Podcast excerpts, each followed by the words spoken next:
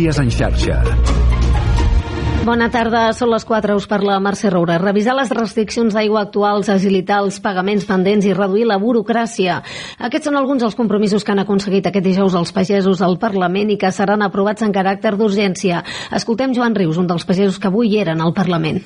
No pot ser que ens tallin el 50% de l'aigua per la ramaderia. La ramaderia és, el, és on produïm el menjar, igual que l'agricultura, vull dir, som una peça fundamental de la societat. Sense nosaltres no, podem, no hi ha menjar. Per tant, eh, el primer punt ens centraríem en aquest, eh, es comprometen a revisar les restriccions d'aigua, és a dir, reconstruir una mica les, les, les restriccions o les uh, aplicacions que es volen fer. Mentre això no passi, asseguren que mantindran les mobilitzacions.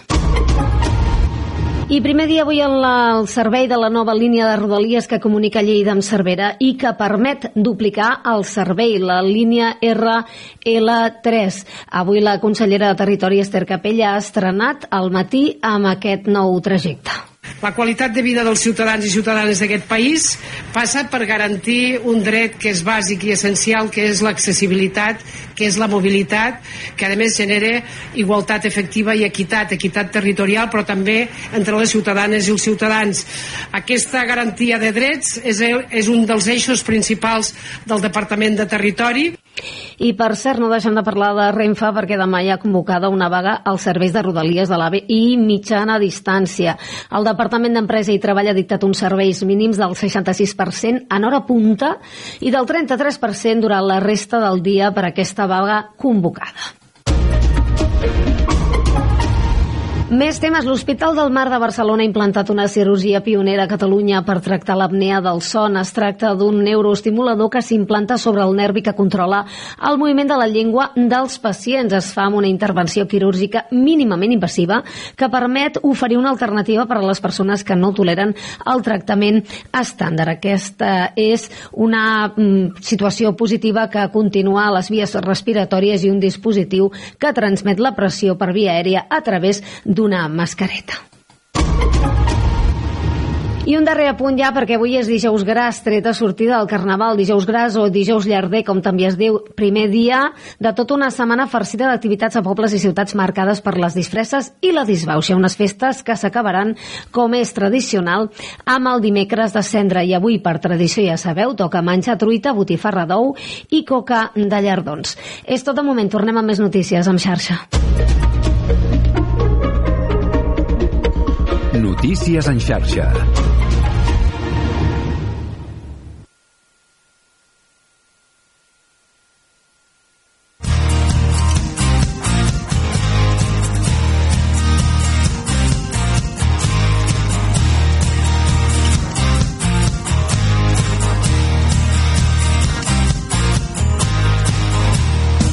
Carrer Major, un programa de ràdio Ciutat de Tarragona, Altafulla Ràdio, Ràdio Montblanc, Ràdio La Selva, Ona La Torre, la nova ràdio de Reus, Ràdio Hospitalet de l'Infant i Baix Camp Ràdio en col·laboració amb la xarxa de comunicació local.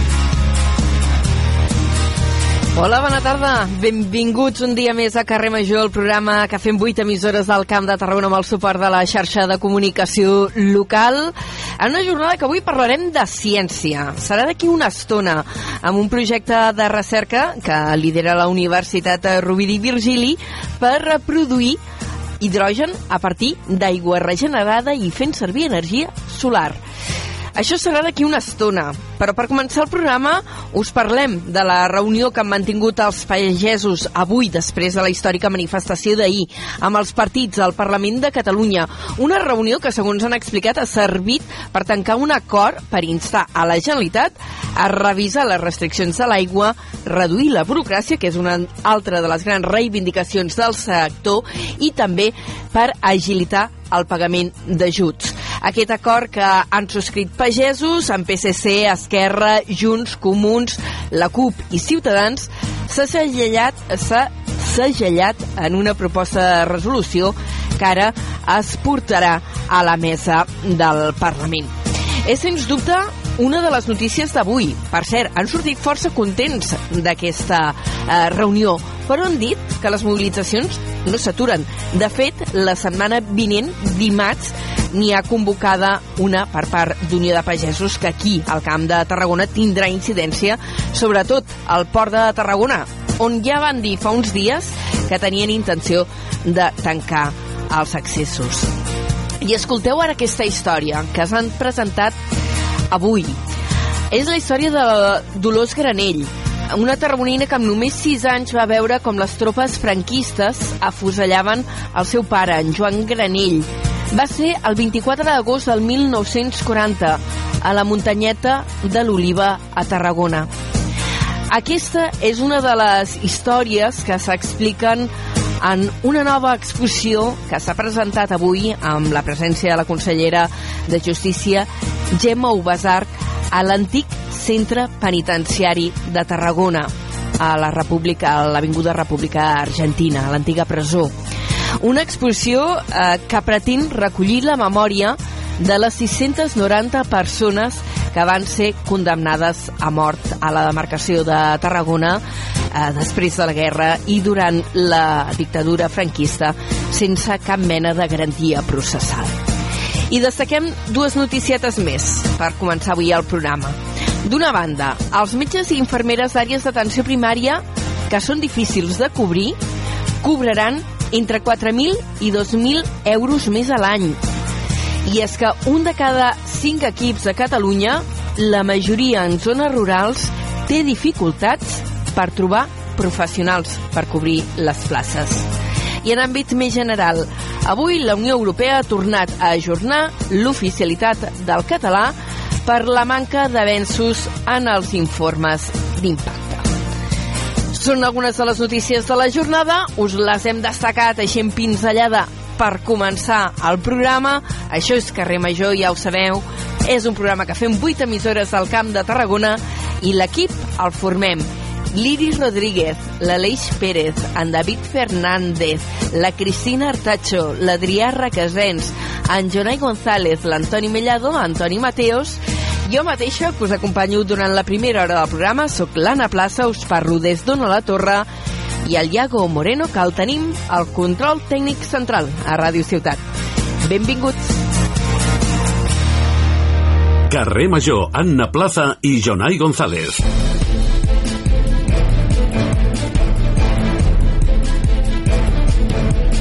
Són les 4 i 7 minuts i ara és el moment de fer un repàs de les notícies del Camp de Tarragona. Ho fem a, per començar en forma de titulars i saludem el Jonai González. Jonai, bona tarda. Molt bona tarda. Després de la històrica mobilització d'ahir a més de 2.000 tractors paralitzant Barcelona, avui una representació de la pagesia s'ha reunit amb els partits al Parlament de Catalunya. El sector ha aconseguit el compromís de les formacions polítiques per instar la Generalitat a revisar les restriccions d'aigua, reduir la burocràcia i agilitzar el pagament d'ajuts.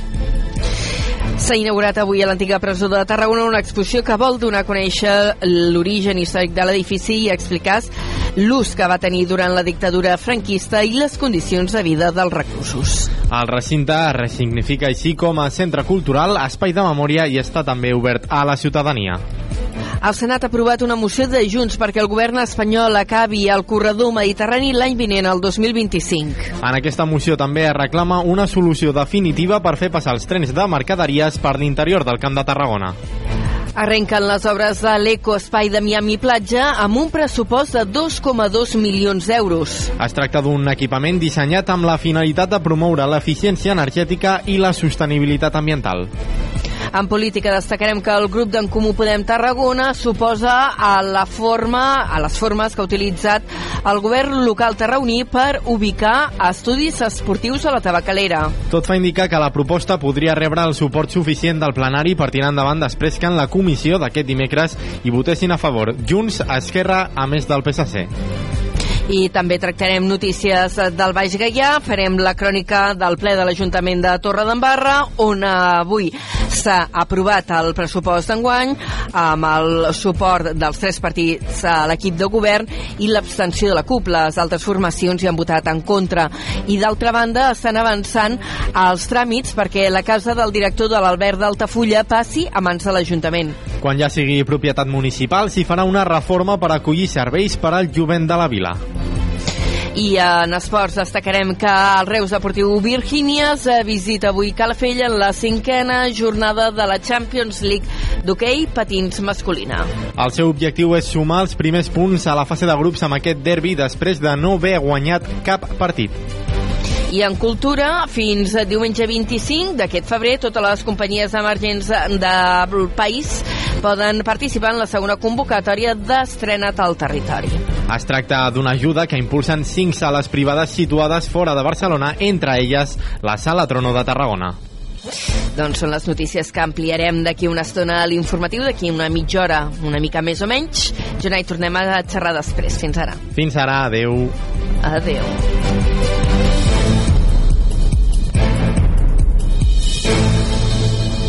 Carrer Major. Toni Mateos.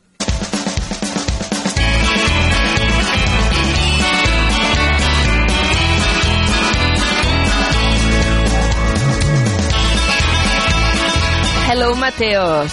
Ah, hi ha una plaça que quasi... Que... Oh, se m'ha oblidat, estava escrivint aquí, escrivint Què? el guió, i se, i se m'ha oblidat, i he mirat el rellotge i dic, ui, les 4 i 9 minuts, calla, espera. Corre, corre, corre, corre, corre, corre. Ui, ui, no tenia posat Escolta, el- que estàs encostipat. Estic... Uh, uh, és que tu, uh, li he explicat abans a una altra l'Antonio. L'al·lèrgia, l'al·lèrgia. L'al·lèrgia. Oi, fas És una que veu de moc. Perdó, eh? Fas una veu de moc i em perdonarà Ai, l'audiència sí, de dir-ho així en aquests xica, termes, eh? avui- Sí, avui, avui tirarà molt, tirarem molt de l'Aleix perquè l'al·lèrgia m'ha atacat, m'ha atacat de una estona, sí, sí. Es, escolta, però tu no et prenies unes pastilles meravelloses? Bueno, meravelloses de tant en quant. Quan la cosa està molt avançada, les pastilles meravelloses diuen ui, ui, ui, Ai, amigo. Déu meu.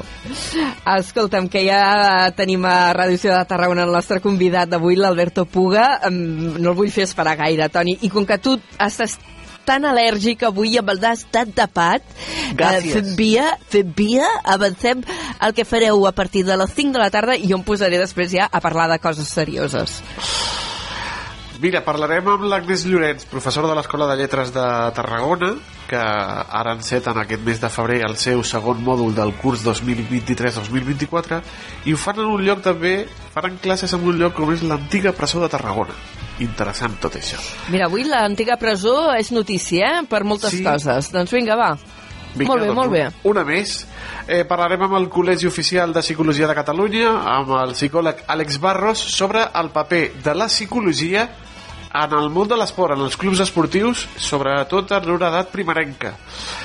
Al ODS, a l'Aleix parlarà amb, la, amb el coordinador de la comunitat Reus Sud sobre unes guies per a llogaters i per persones migrades, banda sonora del Camp de Tarragona i la Cristina Artacho amb la seva furgoneta avui parla sobre el paper de la dona i la nena en la ciència. Anirà a les Girls Day de la Universitat. Rovira i Virgili. Sí, senyora. Mira, a, això me permet enllaçar amb una altra de les notícies aquesta d'àmbit científic de la jornada, eh? És que la nova edició de la missió Hipàtia, eh, que eh, s'intenta arreglar aquí la Terra les condicions de vida a mar, per, bueno, és igual, tot això, es Sí. sí. presentaran les integrants d'enguany, perquè tots són dones, el dia 8 de març.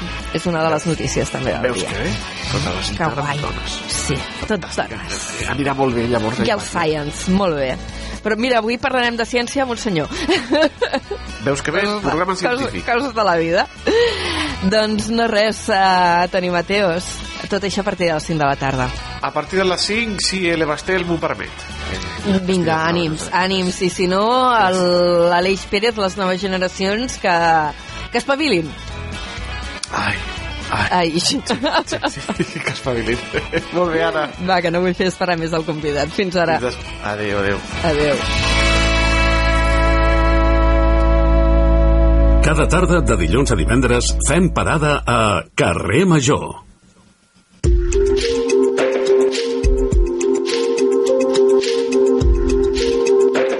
Un minutet i serà un quart de cinc de la tarda i anem ara cap als estudis de Ràdio Ciutat de Tarragona. Allí ja fa una soneta que ens hi espera. El nostre primer convidat d'avui a Carrer Major és l'Alberto Puga. És investigador al Departament d'Enginyeria Química de la Universitat Rovira i Virgili i l'hem convidat perquè ens parli d'un prototip que han dissenyat per produir hidrogen a partir d'aigua residual. Senyor Puga, benvingut al programa. Hola, moltes gràcies. A veure, ho hem de, aquí hem de parlar mm, de producció d'hidrogen que podríem dir que més verda no pot ser. D'una banda perquè fem servir aigua residual i de l'altra banda perquè per produir-lo no feu servir electricitat, que és el que es fa normalment amb, eh, amb, amb el sistema convencional, sinó eh, que utilitzeu radiació solar. Sí, és així, com dius, eh, són les, ho has resumit molt bé, són les dues eh, característiques principals del nostre, del nostre procés. Eh, i bé, l'hidrogen verd es produeix a partir d'aigua pura, purificada, de fet es necessita purificar bastant perquè, perquè no hi hagi problemes amb el, amb el procés, és un procés d'electròlisi que necessita electricitat.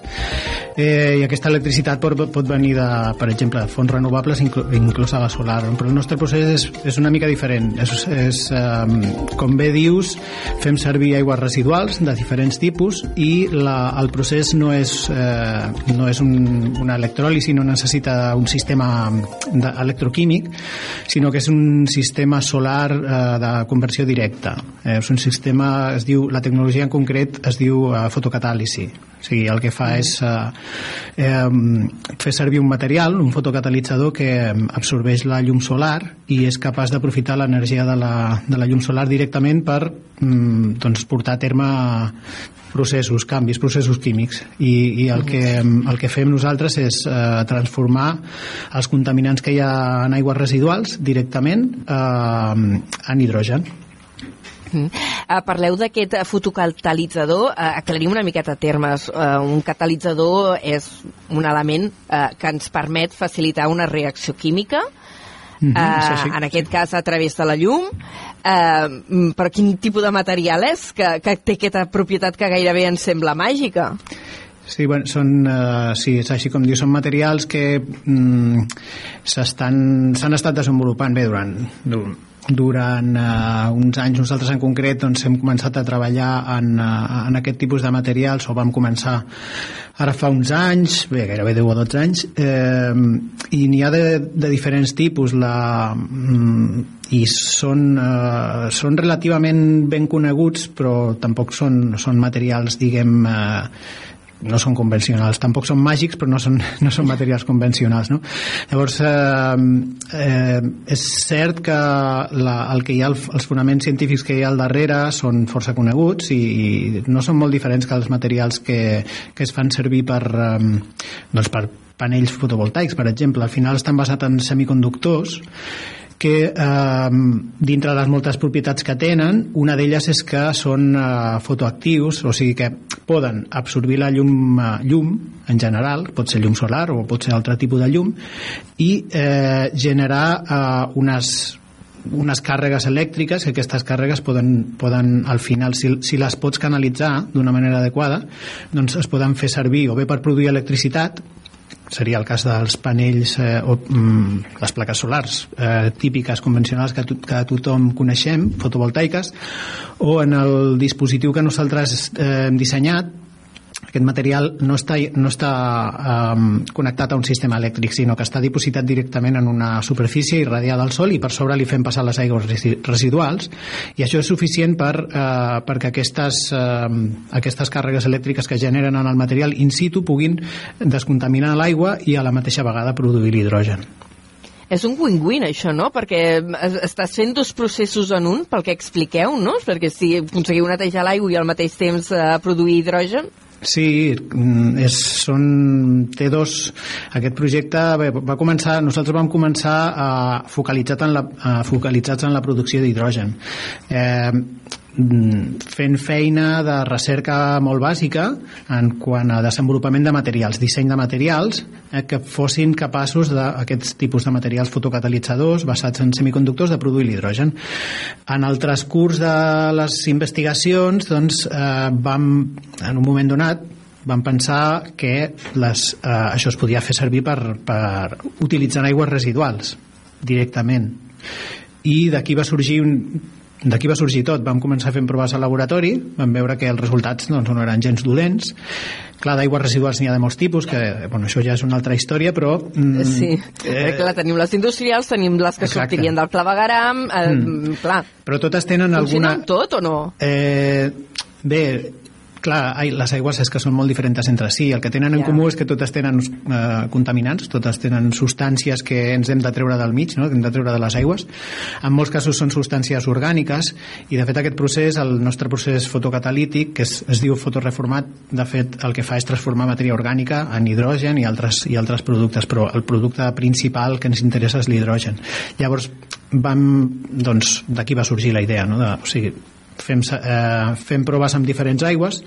Eh, deia si funcionava amb totes bé, funciona fins a, a diferents mm, amb diferents eh, eficiències però amb totes observem eh, certa producció d'hidrogen i n'hi ha d'aigües que són més eh, mm, més bones com a substrat que d'altres però, però veiem que el sistema és bastant eh, és bastant aplicable a diferents tipus d'aigües. Mm. De fet l'heu patentat ja el sistema Eh, sí, el que, el que hem patentat és, un, és el dispositiu en si, el reactor, o sigui, són uns panells, eh, uns panells fotocatalítics que mm, els el, tenen un disseny una mica particular per a, justament per, per, per aquest procés concret, no? per produir hidrogen a partir d'aigües residuals en concret i això sí és el que eh, el que tenim patentat ara estem doncs, en el procés de, de poder eh, estendre la patent a diferents, a, a diferents països però vaja, això ja sí, és, és una de les primeres coses que vam fer abans de començar a fer a anar un pas més enllà i dissenyar, dissenyar un sistema que pogués tenir una aplicació real, no? o sigui, que puguem, que puguem realment realment muntar una, una planta solar, diguem, una planta basada en aquest tipus de panells. De fet, ara esteu, diguéssim, en una fase encara bastant mm, preliminar d'un projecte que heu batejat amb el nom de H2, uh -huh. en què també hi participa el Centre Tecnològic Eurecat i dues empreses, FAXA i Enagas. Uh -huh. um, ara el que teniu és com una mena de prototip, no? I pel que vaig llegir, pel que la informació que ens van passar de la universitat, el teniu instal·lat a, al, al sostre de la facultat, sí, del un... Departament d'Enginyeria Química, com, en un... com ho teniu ara? Sí, és en un terrat, en un terrat, sí, sí. en un terrat, en el... tenim unes... Eh, unes instal·lacions o, o bé, un, un edifici de plantes pilot i allà doncs bé, el, el terrat doncs, eh, es fa servir per, també per altre tipus de, d'investigacions, no? doncs, eh, sobretot moltes relacionades amb energia, no? amb fotovoltaica, altres amb eòlica, i el que, bé, el que buscàvem era un lloc que tingués suficient sol, o sigui que, eh, evidentment, millor que el terrat, no? doncs, eh, no hi havia cap altre lloc on, on poguessin instal·lar els nostres prototips per provar-los. Sí, sí, sí, estan, allà, allà els tenim. Llavors, eh, em preguntaves doncs, pel, pel projecte, com bé dius, és, és un projecte més gran. Nosaltres, un cop eh, plantegem sortir del laboratori i intentar fer un, una prototips eh, que es puguin escalar i que això pugui anar creixent i, i demostrar que, eh, que la tecnologia pot ser implementada, o sigui que pot ser que a futur eh, eh, volem que, que, bueno, que, es, que es pugui dissenyar i construir una planta d'aquest estil per depurar aigües i per produir hidrogen, bé, doncs llavors eh, bueno, comença tot, una, tot un, un, un gran esforç no, de contactes amb, amb, eh, amb institucions, empreses, per, per mirar de quina manera es podria fer això realitat. I sí, i vam, eh, al final, per, doncs per uh, una mica uh, va ser un llarg procés i va acabar en aquest projecte actual H2, com bé dius en el qual doncs, si formem part d'aquest consorci doncs, les institucions que, que esmentes, Eurecat i, i, i les dues empreses. En concret bé, uh, la, la tecnologia surt o neix de, la, de, de les nostres investigacions a la Universitat Rovira i Virgili i eh, la resta del consorci és, perdó, és força important també. Eh, Eurecat s'està encarregant de, de fer el, eh, la construcció dels panells solars a gran escala. I després va entrar en joc eh, les dues empreses, una d'elles és Faxa que és una empresa de, de, de, de cicle de l'aigua, tractament d'aigües. Té molta experiència en, en, de, en plantes depuradores d'aigua. I és l'empresa que eh, diguem que s'agafa aquest projecte i se'l fa una mica seu i es posa a coordinar aquest projecte. No? O sigui, al final vam aconseguir finançament de, en fons uh, Next Generation, però a, través del Ministeri, i eh, per un projecte de col·laboració públic-privada, i aquests projectes doncs, han d'estar liderats per la, per la indústria, el sector privat. Llavors, FAXA doncs, va, mm, doncs, uh, es va, eh, va fer aquest pas endavant de, de, de coordinar el projecte eh, de tal manera que el, el, que plante, el, el que planteja aquest projecte és eh, fer una planta pilot ja mm, amb unes dimensions bastant considerables de 10 metres quadrats de, de, de superfície irradiada, o sigui, de superfície on, on amb, amb, amb radiació solar sí, eh, i això estarà, estarà construït, estarà instal·lat a instal·lacions de, eh, gestionades per fax en una, en una depuradora, en concret a la depuradora de, a l'Eder de Granollers Eh, I l'altra empresa que és Enagas, que bueno, és, és sí. ben coneguda, no? és, és l'empresa que, que gestiona la logística del gas natural al, en tot l'estat espanyol i la seva, clar, evidentment, la seva, el seu interès és en, el, en, en diversificar uh, fonts de, de, de producció d'energia renovable, gasos renovables, eh, que puguin substituir el, els, els fòssils, no? principalment el gas natural. Llavors, eh, doncs també tenim molta sort de tenir a Enagas com a empresa sòcia en, en aquest projecte. Estudiarà i el seu paper serà estudiar la viabilitat econòmica d'aquesta tecnologia perquè ara situem-ho, eh? Vull dir, fem així una mica de resum de, de, de, per acabar-nos de posar en situació. Ara teniu una mm, mini estació pilot al terrat d'un dels edificis de la Universitat Rovira i Virgili, que és petiteta, fa un metre quadrat, i aquest següent pas és fer ja una planta pilot que entenc que també el que vol és comprovar si a nivell industrial el sistema és rendible, funciona bé, eh, i que aniria directament a Granollers, dius, amb, amb una estació depuradora d'allí. Exacte, sí, perquè la idea és eh, eh, que es pugui fer servir doncs, directament in situ. No? O sigui, el, al final eh, l'ideal seria que, que aquesta tecnologia fos útil i on, on més útil pot ser és en una depuradora. No? Llavors el que plantegem és que aigües de la depuradora puguin ser tractades directament allà. Eh? i bé, és una, ja és una instal·lació força gran evidentment és una pilot o sigui que mm, per nosaltres 10 metres quadrats ja és un, un, un, gran, un gran pas endavant és molt més gran del que estem acostumats imagineu que en el laboratori treballem a una escala mm, en miniatura pràcticament no? i en pràcticament un parell d'etapes hem passat a, a un, bueno, una escala que per nosaltres és com no sé, és, és gegantina no? llavors eh, nosaltres sí, ara, ara els prototips, aquesta primera aquest primer com es, escalat, eh, aquest metre quadrat que dius, els estem prim, primerament validant a la, a la universitat, eh, però bàsicament amb el, amb el propòsit de, doncs de, de poder establir el, una, una rutina de funcionament, poder eh, anar mm, comprovant la, que tot funciona bé, tenir unes primeres dades de, d'eficiència, tenir un, una mica sortir d'allà amb un petit manual d'operacions que després pugui ser traslladat a una escala molt més gran en, el, en, el, en la planta pilot final. Eh, de l'hidrogen hem estat parlant bastant, o almenys els mitjans de comunicació se n'hem fent ressò amb una certa freqüència arran del projecte eh, de la Vall de l'Hidrogen de, de Catalunya, eh, però mm, perquè es planteja l'opció d'utilitzar-lo com a vector energètic per, per produir energia i com a alternativa a les fonts renovables, però mm, és una tecnologia que encara presenta incògnites, sobretot per aquests temes d'escalat i de l'energia que necessita el seu torn per produir-ho.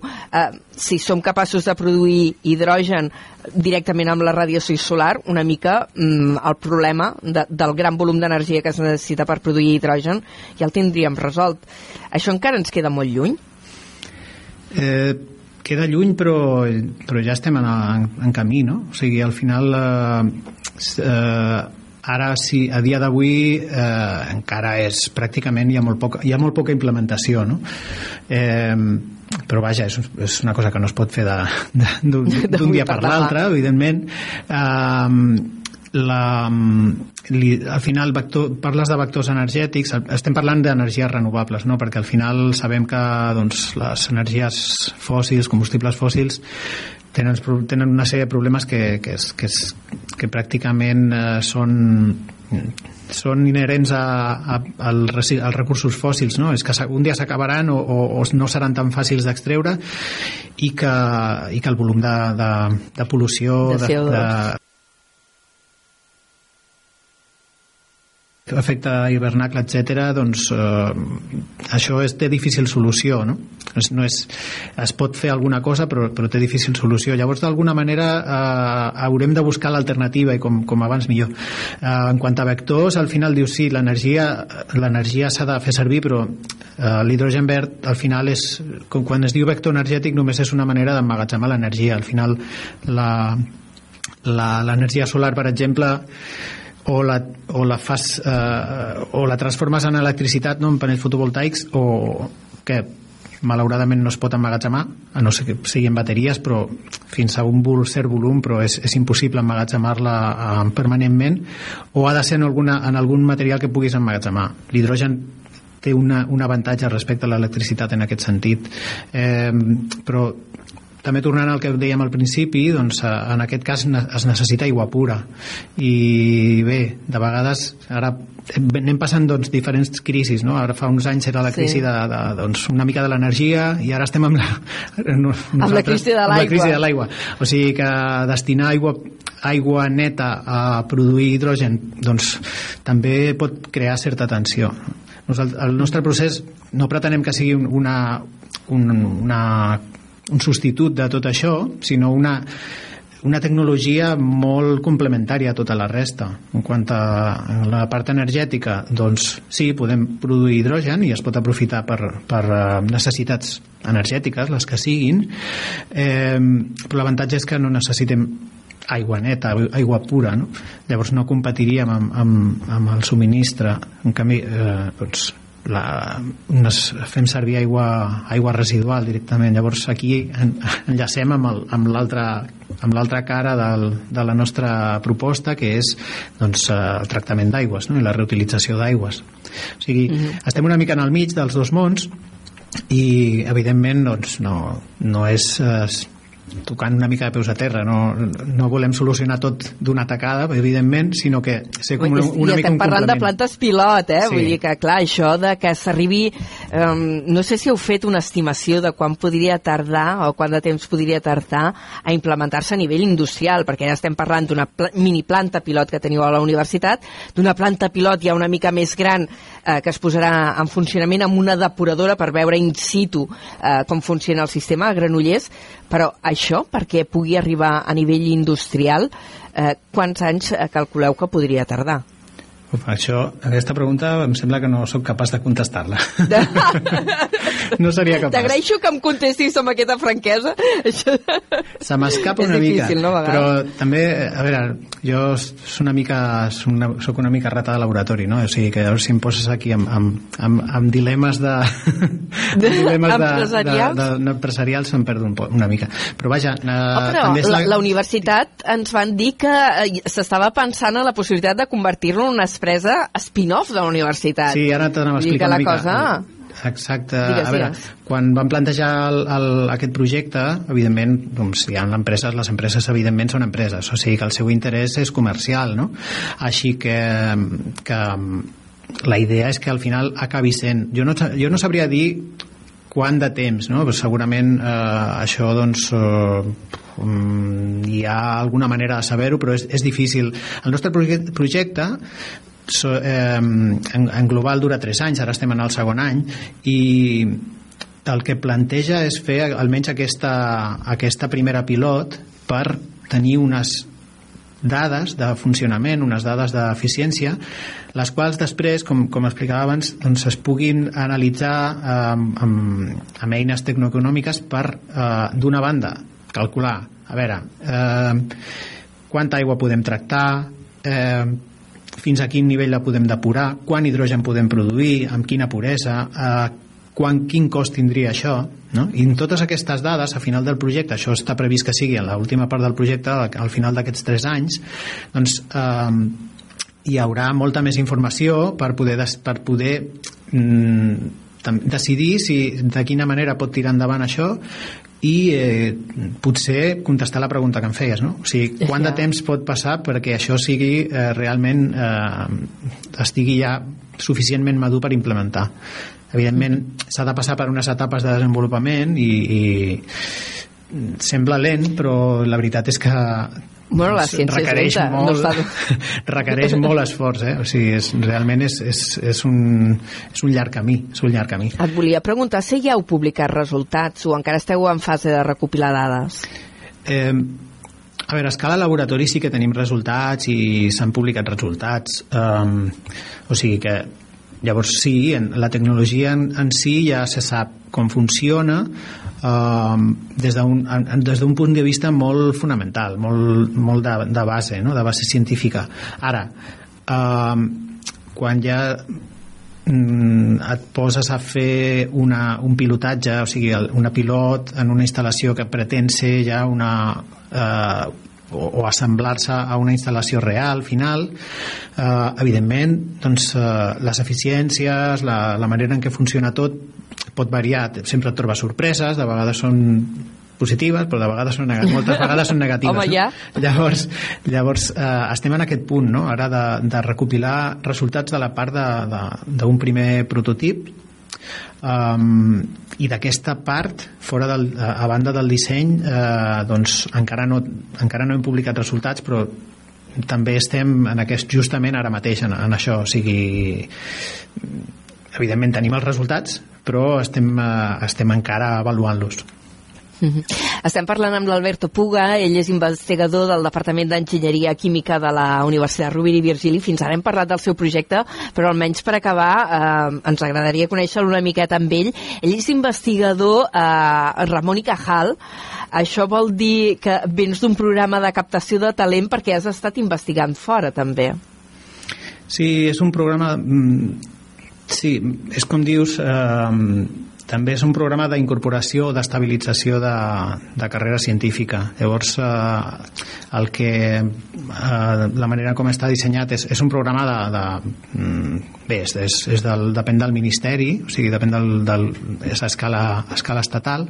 Estatal, eh, sí. Llavors, el que una vegada, una vegada acaba aquesta, aquest període, eh, aquest període de, doncs de, desenvolupament eh, es planteja la incorporació al sistema de ciència doncs, eh, com, a, com a investigador permanent. Llavors doncs, mm. estaria més o menys en aquesta etapa.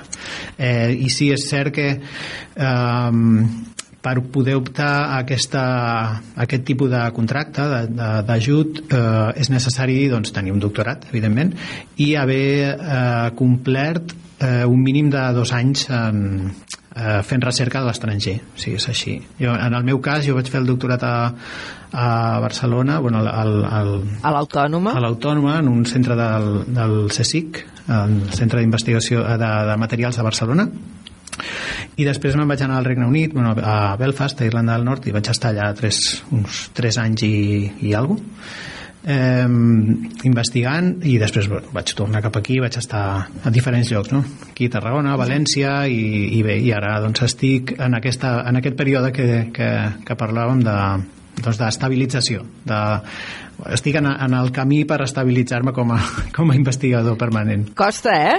sí, és, és, una, és una cursa d'obstacles sí no vull desanimar la gent, eh? que la gent que faci, la gent jove que faci ciència, que és una, una professió molt bonica, però és cert que, que és, eh, tens la sensació de que de que has d'anar contínuament no? de, eh, demostrant demostrant que, que pots fer allò que, que, que vols fer. Però és, és, sí, és, és, és així és un eh, també això és, eh, evidentment a la universitat doncs, es combina amb la docència i, i bé, és, és, és dur però vaja, és, a la vegada és, un, és molt quan, quan les coses surten és, és molt com es diu això, és, és, és una gran satisfacció moltes vegades doncs, hi ha molta frustració pel camí però, però després quan les coses surten és, és, és molt bonic doncs ara teniu un projecte molt engrescador en marxa. N'hem parlat amb, amb l'Alberto Puga. Moltíssimes gràcies per haver vingut avui al, al programa a parlar-nos d'aquest prototip que tenen per produir hidrogen a partir d'aigua residual i fent servir energia solar. O sigui, més verd ja no, ja no podria ser. Moltíssimes gràcies i molta sort amb el projecte i a veure si es converteix en un spin-off, en una empresa nascuda de la universitat. Molt bé, moltes gràcies, Anna. Fins la propera. Adéu-siau. Adéu. Carrer Major, al Camp de Tarragona, des de ben a prop.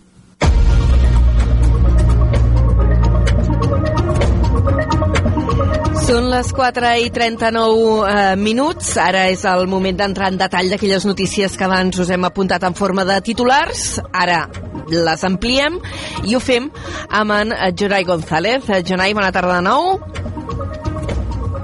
Ai, espereu, sempre em passa el mateix. No he dit res. Començo jo sola. Després de la històrica mobilització d'ahir amb més de 2.000 tractors paralitzant Barcelona, avui una representació de la pagesia s'ha reunit amb els partits del Parlament de Catalunya. El sector ha aconseguit el compromís de les formacions polítiques per instar la Generalitat a revisar les restriccions d'aigua, reduir la burocràcia i també agilitzar el pagament d'ajuts.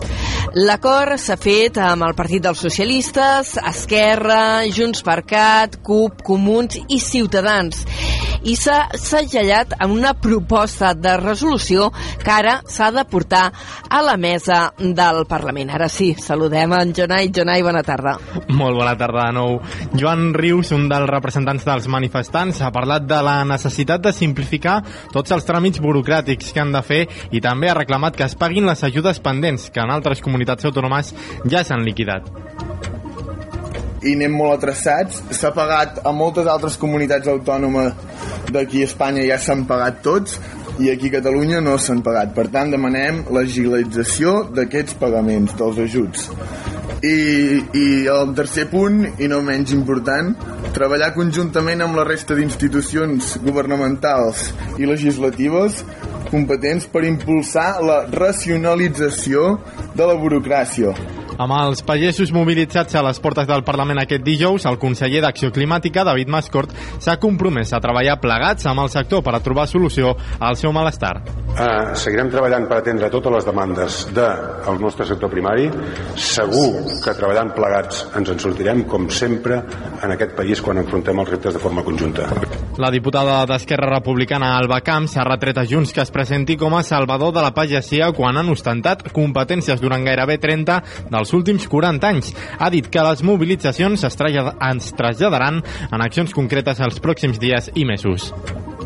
I tot i haver sortit satisfets d'aquesta reunió al Parlament, els pagesos han manifestat que la lluita continua i ho han fet amb aquestes paraules. Unes garanties de que, com a mínim, els grups parlamentaris d'aquí al Parlament es comprometen a intentar gestionar aquests punts, a més de tots els altres punts que ja sabem que, que, que també hi han, i, i vull dir, podem estar satisfets, tot i que la lluita no s'acaba, només es transforma i la victòria no existeix si no escrivim la història. De fet, la setmana vinent, concretament dimarts, Unió de Pagesos ha convocat una altra jornada de protesta. En el cas del Camp de Tarragona, el sindicat té previst tancar els accessos al port de Tarragona. Pere Guinovart, coordinador territorial del sindicat agrari, n'ha parlat en una entrevista en aquest programa. L'objectiu d'aquesta mobilització és que el port de Tarragona és on té entre tot el cereal de Catalunya i part d'Espanya, de, que el cereal ve, ve de la importació, que els preus del cereal estan, estan rebentats, estan a 20 cèntims, que venim de dos anys de sequera de sense producció i aquest eh, de motius ens en sobren, com diem nosaltres. Dimarts vinent també hi tornarà haver marxes lentes i talls a les autopistes. El dia 21 de febrer la protesta es traslladarà a Madrid. I parlem ara de trens, perquè aquest matí una avaria de senyalització entre Reus i Vilaseca ha provocat retards importants en la circulació ferroviària. D'altra banda, Comissions Obrera ha convocat vaga a DIF per demà divendres. S'han establert uns serveis mínims del 66% en hora punta i del 33% en hores vall a Rodalies. En el cas del SABE i els trens de llarga distància, el Departament de Treball ha determinat que s'ha de garantir el 73% del servei. Les franges d'hora punta van de les 6 a quarts de 10 del matí i de les 5 de la tarda a dos quarts de 9 del vespre. La protesta per reclamar les 35 hores a Adif i l'eliminació de les categories d'ingrés a Renfe està convocada entre la mitjanit i les 11 de la nit. I encara en qüestions ferroviàries, el Senat ha aprovat una moció de Junts perquè el govern espanyol acabi el corredor mediterrani l'any vinent, el 2025. El text ha prosperat amb 162 vots a favor i 98 abstencions. En la moció també es reclama una solució definitiva per fer passar els trens de mercaderies per l'interior del Camp de Tarragona. La moció l'ha defensat la senadora tarragonina Teresa Pallarès, que ha manifestat que l'endarreriment que acumula el corredor del Mediterrani està afectant el desenvolupament econòmic i la competitivitat del Camp de Tarragona.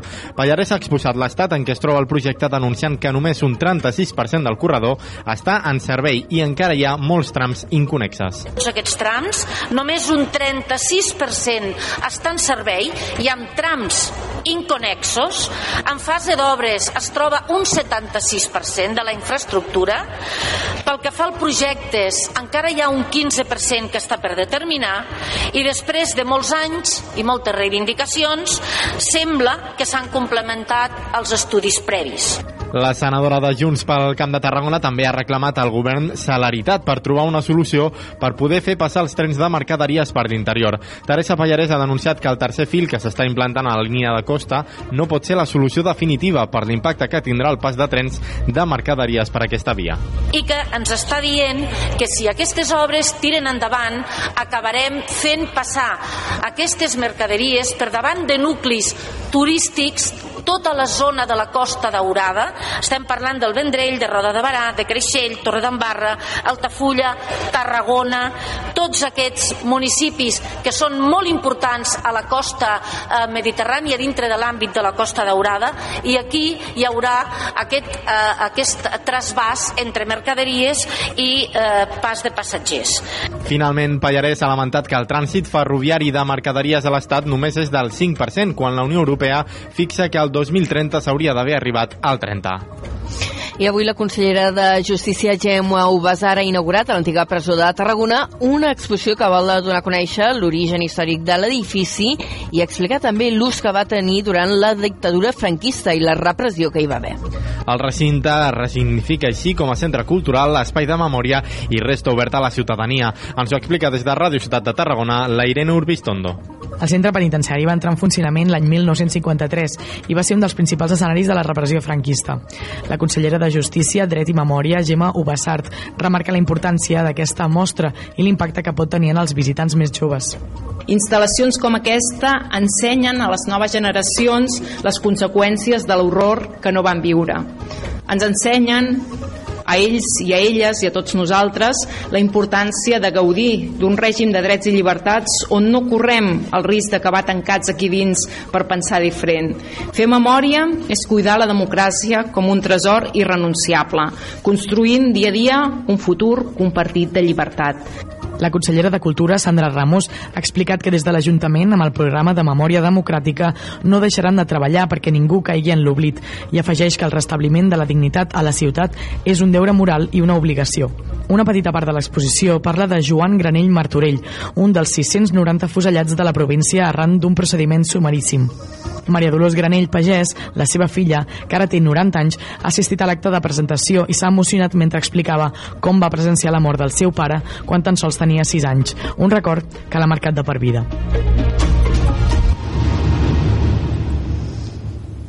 Quatre i 48 minuts, entrem en crònica local. El grup d'en Comú Podem a Tarragona suposa les formes que utilitza el govern local per ubicar estudis esportius a la tabacalera. Tot fa indicar que la proposta podria rebre el suport suficient del plenari per tirar endavant després que en la comissió d'aquest dimecres hi votessin a favor Junts i Esquerra, a més del PSC. Des de Ràdio Ciutat de Tarragona ens fa la crònica l'Adrià Tella. La Tabacalera podria acollir un centre d'estudis universitaris dedicat al món dels esports. Així es votaran al plenari del pròxim 16 de febrer després que aquest dimecres en la Comissió Municipal de Mobilitat es donés llum verda a la proposta de l'equip de govern per establir aquesta opció al mòdul 5 de l'antiga fàbrica de tabac. La idea és impulsar un concurs públic que permeti externalitzar aquest espai. Tot apunta que seria l'Escola Universitària de la Salut i de l'Esport l'empresa privada que es faria amb una concessió que serà per 40 anys. La idea és que els primers 20 no pagui el cànon estipulat a l'Ajuntament a canvi de fer-se càrrec de la inversió per adequar les instal·lacions. Després, el cànon mensual seria de gairebé 18.000 euros, que deixaria al consistori uns 212.000 euros a l'any. Tot fa indicar que la proposta podria rebre el suport suficient del plenari per tirar endavant després que en la comissió d'aquest dimecres hi votessin a favor Junts i Esquerra Republicana a més del PSC. En contra el PP i en Comú Podem. El portaveu dels darrers, Jordi Collado, ha mostrat la clara oposició del grup a les formes del govern per fer arribar els estudis esportius a Tarragona Tarragona, idea que defensen. Collado explica que és una concessió feta a mida per l'empresa privada i, a més, s'està regalant l'espai pel preu i les condicions. On ens acabem d'estirar els cabells és amb aquesta gratuïtat dels primers 20 anys. Quan ens diuen, home, quan marxin tindrem les obres fetes, eh, com entendreu, eh, fa una mica de vergonya italiana que ens diguin que unes obres fetes el 2025, 2026, eh, les podrem aprofitar al 2066. L'arribada dels estudis a la tabacalera es complementaria de la part pràctica a les instal·lacions de l'anella mediterrània, sumant així el pagament per part de l'empresa a l'Ajuntament per aquest ús. Però en com ho podem assegurar que amb el preu habitual això no arribaria als 10.000 euros a l'any. Moltes gràcies, Adri. Ens seguim movent pel territori. En crònica local, l'Ajuntament de Reus, el primer Ajuntament del Camp de Tarragona, en sumar-se al programa Consolidat. El programa, subvencionat per la Generalitat de Catalunya, ofereix formació i assessorament a autònoms que portin endavant el seu negoci des de fa 3 anys. Des de la nova ràdio de Reus, Laura Navarro. El programa té com a objectiu desenvolupar les línies de negoci i estratègia de les empreses en l'àmbit de la transformació digital i l'economia verda, a més d'assessorar els emprenedors. Consolidat compta amb una partida pressupostària enguany de 1,5 milions d'euros que es repartiran entre 18 entitats del territori català. La Regidoria de Promoció Econòmica, Innovació i Coneixement de Reus disposa de 28.500 euros d'aquest programa per oferir fins a 244 hores d'assessorament personalitzat amb experts i 40 hores de formació grupal en diversos àmbits, com ara les finances, el lideratge, la comunicació i la transformació digital. Josep Bages, regidor de Promoció Econòmica de Reus. I d'aquí el nom del programa, no? El Consolida't, perquè al final el que busquem és precisament que hi hagi aquesta consolidació en el seu projecte i que sigui possible adaptar-se a les realitats del moment que estan atrevessant i, evidentment, intentant identificar oportunitats de mercat, no? Des de l'Ajuntament es preveu que uns 35 o 40 negocis puguin gaudir del programa de consolidació dels seus projectes. Moltes gràcies. al ple de l'Ajuntament de Torre d'en ha aprovat el pressupost municipal d'enguany amb els vots a favor de l'equip de govern i l'abstenció de la CUP. Els altres tres partits de l'oposició, Partit Popular, Vox i Alternativa Torre d'Embarra, han votat en contra. En total, els comptes pugen a 27,6 milions d'euros, el que és, suposa un 15,3% més que l'any passat. Ens fa la crònica des d'Ona la Torre en Josep Sánchez. L'alcalde Eduard Rovira ha comentat durant el ple que una de les claus que expliquen el fort increment del pressupost és que l'any passat es va comptar amb completar els comptes amb el romanent de tresoreria. Ara el marge del romanent serà més petit i ja s'inclou tota la despesa prevista en aquest pressupost. És per això que han eh, contemplat un augment important dels impostos. El fet és que durant els exercicis anteriors no hem augmentat els impostos perquè érem capaços d'utilitzar romanents que teníem i hem estat utilitzant els romanents i gestionant els diners sense augmentar els impostos. Fins que el 2023 el gesto ja va ser una mica més important i, i vam haver de, de forçar una mica la màquina al pressupost inicial des del govern s'ha destacat que el pressupost s'ha confeccionat tenint en compte l'actual conjuntura econòmica amb l'increment de l'IPC, els tipus d'interès i les retribucions dels empleats públics. A més, també es té en compte l'increment de les despeses dels contractes de la recollida de residus i la neteja viària. I també hem par de parlar dels eh, avenços en els tràmits perquè la casa del director de l'Albert d'Altafulla passi a mans municipals, a mans de l'Ajuntament. Quan ja sigui propietat municipal, s'hi farà una reforma per acollir serveis per al jovent de la vila. Ens n'amplia la informació des d'Altafulla Ràdio, la Carol Cubota. La casa del director de l'alberg d'Altafulla està més a prop de ser propietat de l'Ajuntament després de les últimes negociacions entre l'actual propietat, la Generalitat i el consistori. Unes negociacions que van iniciar-se en l'anterior mandat amb el Departament de Joventut i que ara es fan amb drets socials, que han assumit la gestió per acollir els menors no acompanyats que viuen en aquestes instal·lacions des del passat desembre. El canvi d'interlocutor, però, no afectarà el traspàs parcial d'aquest equipament a mans municipals, com explica el alcalde de Jordi Molinera. Per tal de saber si a ells els interessava, tenen algun tipus d'interès en la casa de la direcció de, de l'alberg. Ens han dit que no, que no, no tenen cap interès eh, concret i que nosaltres precisament el que volem fer és tenir-ne la, la, la titularitat per fer-hi un, equip, un equipament de joventut.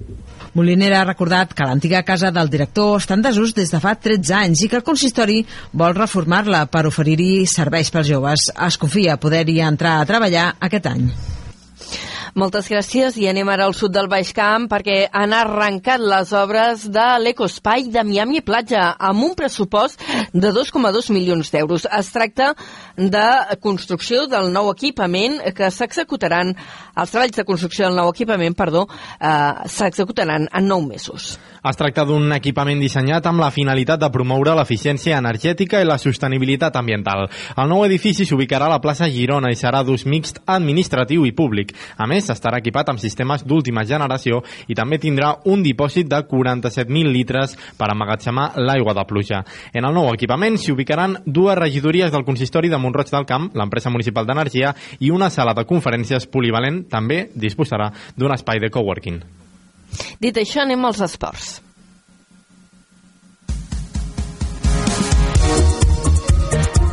Comencem explicant que el Reus Deportiu Virgínia es visita avui Calafell en la cinquena jornada de la Champions League d'hoquei patins masculina. El seu objectiu és sumar els primers punts a la fase de grups després de no haver guanyat cap partit. Ens fa la prèvia des de la nova ràdio de Reus, la Laura Navarro. Partit complicat pel Reus Deportiu Virgínies, que es batrà amb el Calafell en cinquena jornada de la fase de grups de la Champions League d'hoquei patins masculina. I ho fan en el pitjor escenari possible, amb 0 punts als 12 possibles en l'anomenat grup de la Morc, amb ben Benfica i Sporting de Portugal. L'objectiu doncs, és de tornar a recuperar sensacions davant un rival que encara somia amb arribar als quarts de final amb la màxima competició europea. Les claus del partit passaran per donar continuïtat al bon rendiment de David Gelmà, un dels millors jugadors d'aquesta temporada, i per l'entrada de Guillem Jansà a la dinàmica del primer equip. Diego Rojas és jugador del Reus Deportiu Virginias. Estar un tiempo fuera te hace volver con más ganas, con, con muchas ganas y afrontar con todo el partido que viene. Venimos entrenando muy duro y queremos llevar nuestros tres puntos aquí en casa con nuestra afición, que son muy importantes. Por más que estemos eliminados, siempre el Reus tiene que ganar. Tot a punt un nou derbi provincial amb regús europeu.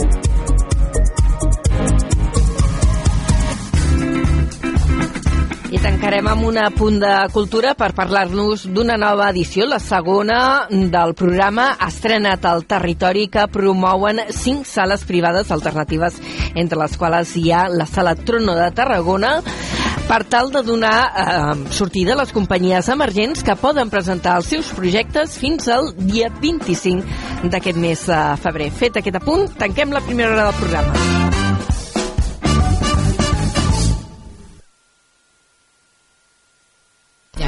Tiempo.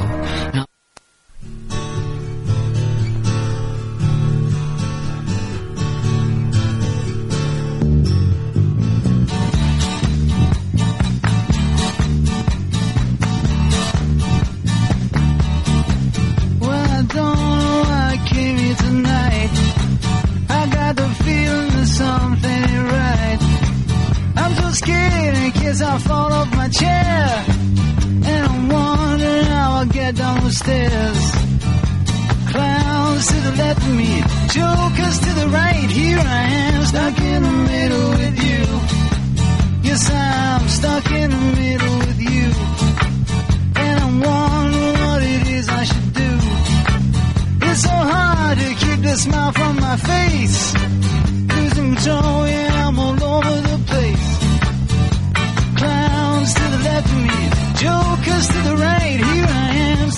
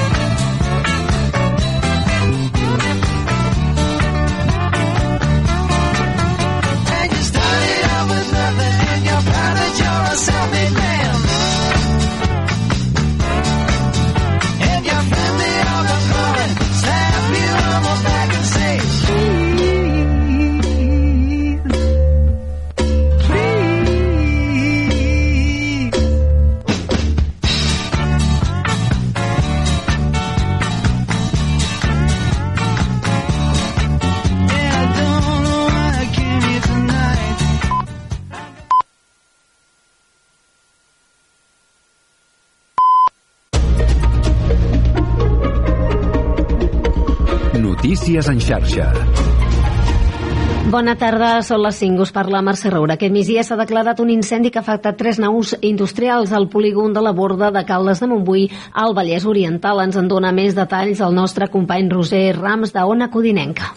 Al punt de les 12 del migdia s'ha declarat un incendi al polígon industrial La Borda de Caldes de Montbui. El foc s'ha originat en una nau industrial i s'ha estès per la taulada fins a afectar a tres naus industrials. Els bombers de la Generalitat hi han desplaçat vuit dotacions terrestres i dues autoescales que han atacat el foc des de fora de l'edifici per la dificultat i el risc que suposava endinsar-se a les naus. Uns bombers que han estat treballant a la zona, remullant, com dèiem, des de l'exterior durant 3 hores fins que quan passaven pocs minuts de les 3 de la tarda, els bombers de Caldes de Montbui han confirmat que l'incendi s'ha pogut extingir. Pel que fa a l'afectació personal no n'hi ha hagut i, per tant, tampoc hi ha hagut víctimes ni ferits. La columna de foc, això sí, ha estat aparatosa i s'ha pogut veure des de diversos punts de municipis veïns. Més temes. L'Audiència Provincial de Barcelona ha decidit enviar a judici 46 agents a la Policia Nacional per les càrregues de l'1 d'octubre de 2017 a diverses escoles de la capital catalana. La interlocutòria confirma el criteri del jutge interlocutor del cas, que considera que els fets van més enllà de simples delictes de lesions i que es podrien encabir en un delicte contra la integritat moral. Escoltem Anaïs Franquesa, que és advocada i codirectora d'Iridia, l'entitat que conforma l'acusació popular popular del cas. Aquesta resolució també suposa un reconeixement al fet de que l'actuació per part de la Policia Nacional d'octubre no només va ser desproporcionada, sinó que va ser delictiva, fins i tot en, en alguns casos podent-se arribar a qualificar mm, posteriorment per les acusacions, però eh, així s'estableix també en la interlocutòria que no es descarta que alguns fets podrien ser constitutius delictes contra la integritat moral. La interlocutòria descarta imputar més agents, però també descarta arxivar la causa com havien demanat les defenses. Més temes. El Parlament Europeu ha demanat avui amb els vots del PSOE per ser investigar les relacions de l'independentisme en Rússia. La resolució remarca una preocupació externa pels suposats vincles entre el sobiranisme i el Kremlin. I acabem amb un apunt que passarà d'aquí a una hora aproximadament perquè l'escriptor noruec Jo Nesbo rebrà aquesta tarda el Premi Pepe Carballo al Saló de Cent de l'Ajuntament de Barcelona. És el creador del personatge Harry Hall, policia individualista i tossut a les seves novel·les. Estarem atents a aquest tema. Notícies en xarxa.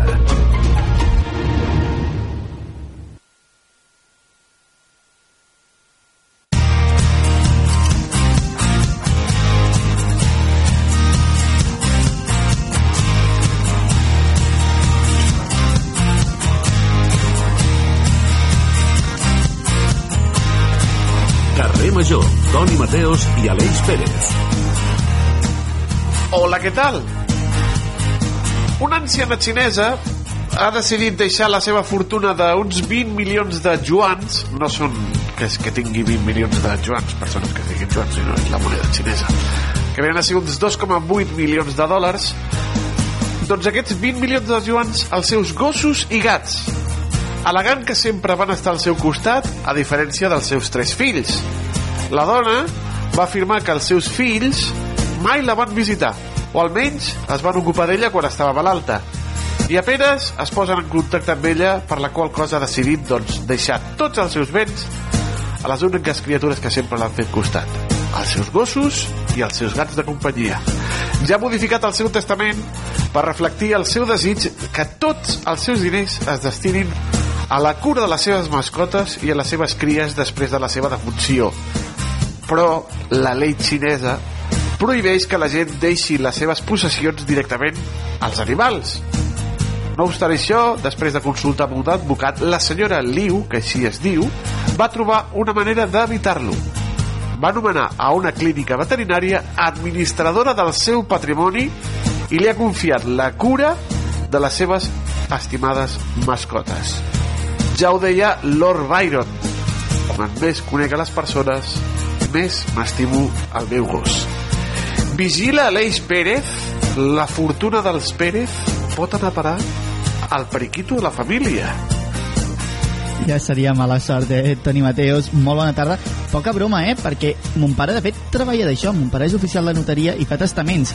I, i, i és molt curiós. I al final, doncs, sempre alguna vegada ens ha explicat això, que, que, que al- algun testament d'aquests que ho dona, doncs, a, a l'església o dona a alguna entitat con- concret o una cosa així, i hi ha gent de la família que no sap, es pensen que s'emportaran l'herència i, i, i que la gent vigili perquè no sempre t'emportes l'herència quan, quan llegeixen el testament, o sigui que recomanem des de carrer Major potser que tinguin cura de la gent que els envolta, que els estimin molt per també, òbviament, doncs, tenir accés merescut en aquesta herència. No?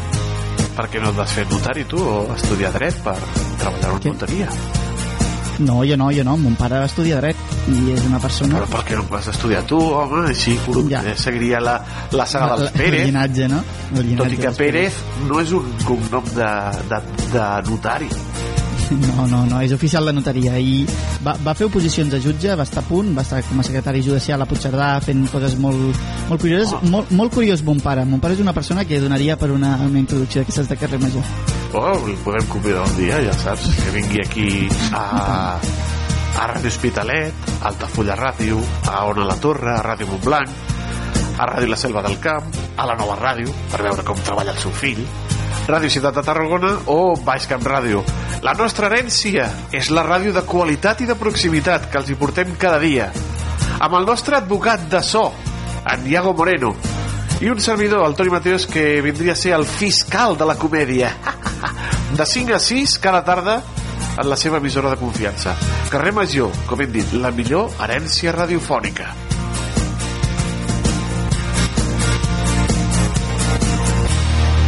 Estàs escoltant Carrer Major. Un nou dia ha començat, em llevo al teu costat, respires lentament. Un nou dia t'ha abraçat, et lleves i no saps que enyorarem aquest moment. Les casualitats són les que ens han portat a viure aquest present que jo no en sóc conscient si m'esperes allà fora et cantaré escriurem que tot no va ser Maria Aurelia Campmany va dir, o millor va escriure, que escriure no és res més que buscar a palpentes al món real. No sabem si això de buscar les fosques al món real a través de l'escriptura és un dels objectius dels propers convidats del carrer Major. Segur que sí, perquè és l'eslògan que han escollit. Tenim a l'Agnès Llorenç, professora de l'Escola de Lletres de Tarragona, a la qual saludem. Senyora Llorenç, molt bona tarda. Molt bona tarda. Qui sou i en quin objectiu va néixer l'Escola de Lletres de Tarragona? Qui som, qui sou, d'on veniu, on aneu, no? Sí, les grans preguntes, eh? Ai, Així les preguntes de la humanitat. Comencem forts, comencem forts i ràpid, fantàstic. Uh, som, som un grup de gent que vam començar fa més de 20 anys i duem a terme diversos tallers d'escriptura de narrativa a diferents nivells, en diferents modalitats, amb diferents horaris i adaptats a tothom que tingui ganes d'escriure, de trobar la seva veu, de trobar-la, d'explicar les seves coses i també de llegir, de compartir, passar bona estona, Ha dit fa més de 20 anys. Què han après l'Escola de Lletra després d'aquests 20 i pico anys? Perdona, perdona, tot és malament, disculpa'm. Dit? No, no, Què és la meva veu, que avui està supertocada per l'al·lèrgia. Oh. Dic que... Sí, déu 22 anys d'història de l'escola. Què heu après en aquests anys de, de aquests 22 anys? Què heu après de l'escola de I lletres? si us explicar el que hem après, diguem-ne... Bueno, no, no és difícil, de fet, ho he dit molt malament, és molt fàcil, hem après que tothom pot aprendre i que tothom millora, que tothom té capacitat per, per millorar moltíssim la seva capacitat d'explicar, d'escriure i de provar-se a si mateix. Tothom. Sigui quin sigui el nivell i sigui quina sigui la, la, la, el que es vol fer, no? Hi ha una gran capacitat de millora i és molt bonic, fins i tot, acompanyar les persones que tenen ganes en aquest procés. I al final també doncs tot això es converteix en, en, en resultats també, no sé si es veu i deu ser doncs també molt reconfortant veure no, l'evolució de tots aquests alumnes, de tota aquesta gent que comença Pues. el primer dia al curs, potser inclús amb una mica la síndrome del paper en blanc i acaba, doncs, espero, confio, doncs, fent grans parrafades. No, de fet, de fet, animo des d'aquí a que totes les persones amb síndrome del full en blanc que dieu, que s'apuntin. Els nostres alumnes no- normalment crec que no tenen aquesta síndrome, eh? més aviat tenen moltes ganes de fer coses, cosa que és fabulosa. Pel que m'imagino, intueixo que queden encara moltes persones amb, amb síndrome que encara no s'han apuntat, o sigui que és el moment de que vinguin. Una escola de lletres de Tarragona que està a tot el territori, perquè aquí a la Selva del Camp, per exemple, ja fa uns quants anys que veniu a impartir eh, classes. A on impartiu cursos d'escriptura o altres tallers a banda de Tarragona i, com he dit ara, a la Selva? A altres llocs també? Sí, al cas de la selva, com passa a Altafulla, són llocs on per algun motiu doncs, ens han demanat no, de, dins de la programació de biblioteques, centres cívics, eh, entitats similars, que anem a explicar, anem a fer una miqueta aquests tallers que fem aquí a Tarragona. O sigui que a banda dels que us presentaré ara que fem a Tarragona, fem aquest taller de la Selva del Camp, com tu comentes, i en fem un altre a Altafulla també. A banda de coses puntuals, diguem-ne, que sorgeixen. Però aquests dos són bastant estables, es mantenen durant tot el que és el curs acadèmic.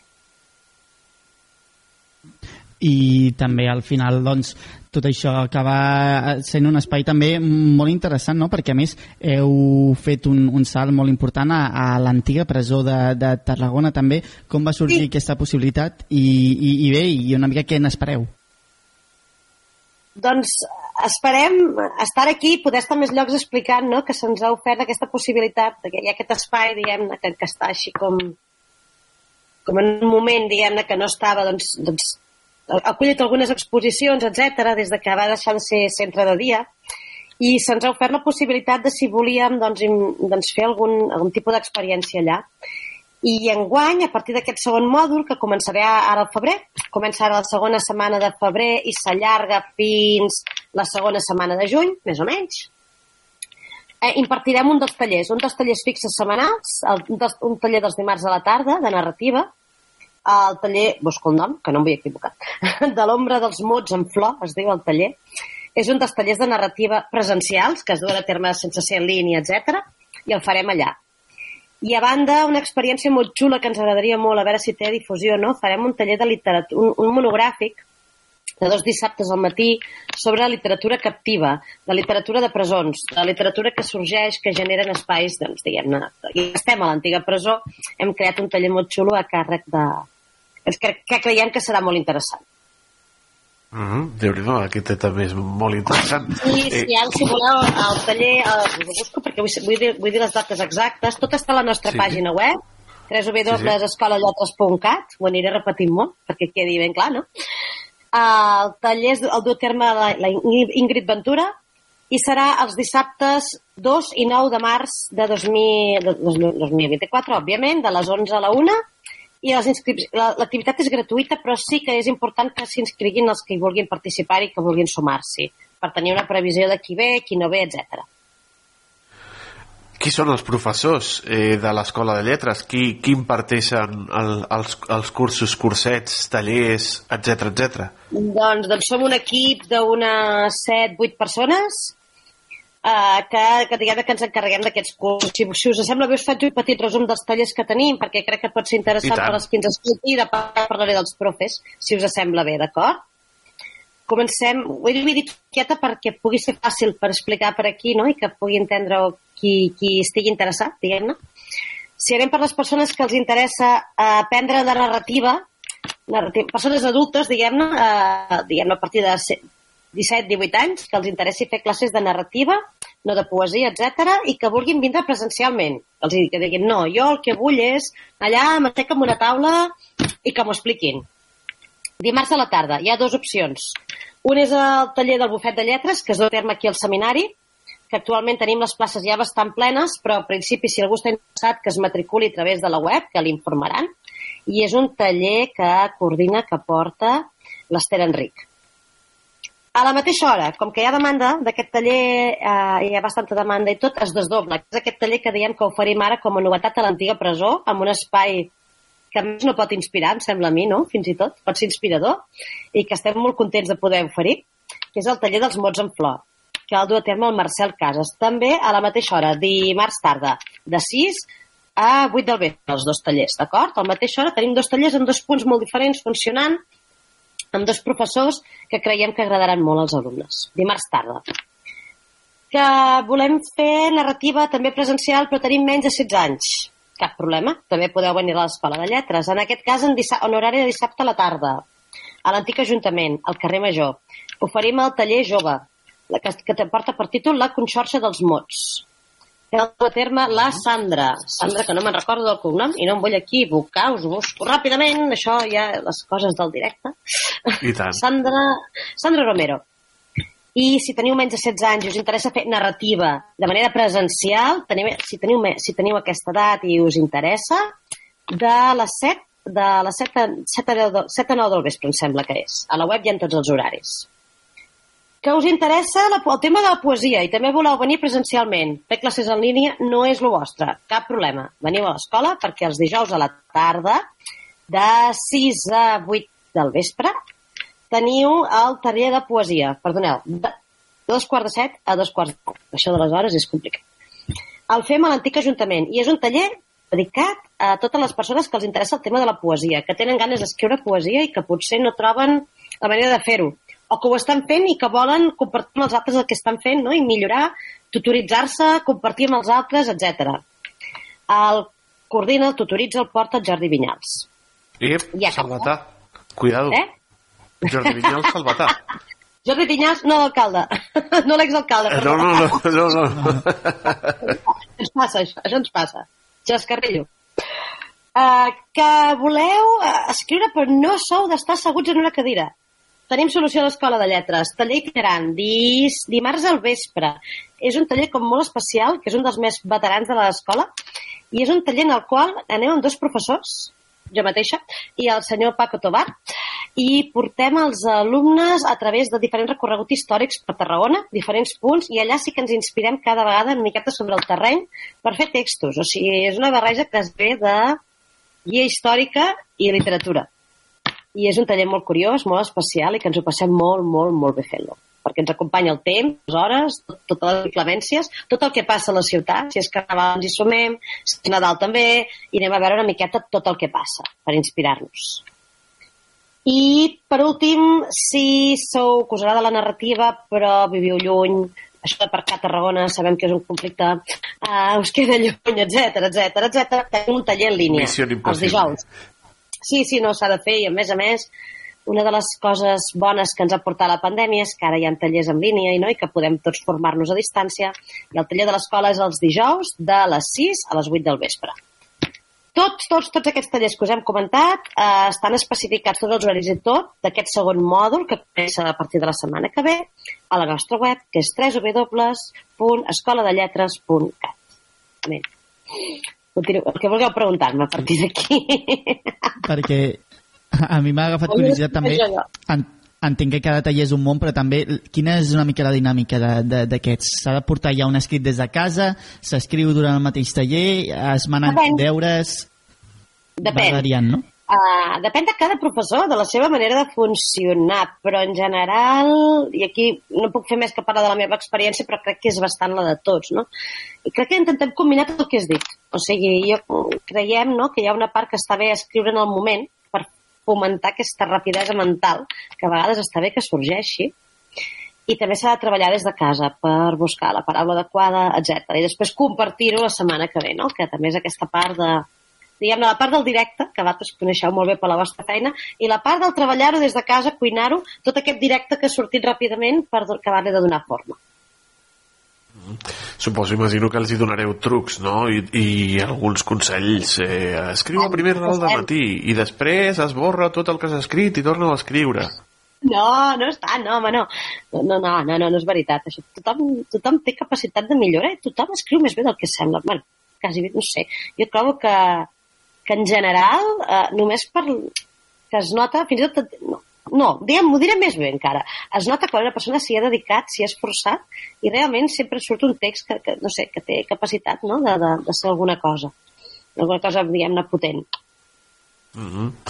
No només feu cursos i cursets, sinó que també organitzeu festivals, concursos literaris, xerrades, no pareu a l'Escola de Lletres. Eh, no parem, no parem. Aquest mes de febrer participem en el Festivalet Blau, que és aquest festival de literatura infantil i juvenil, i ho farem també amb alguna amb una activitat, ho trobareu també a la web. Uh -huh. També col·laborem amb un d'activitats d'aquí de, de Tarragona, bàsicament, que és on estem situats, però a qualsevol lloc on creguem que, que, que, que podem col·laborar i que pugui servir, no?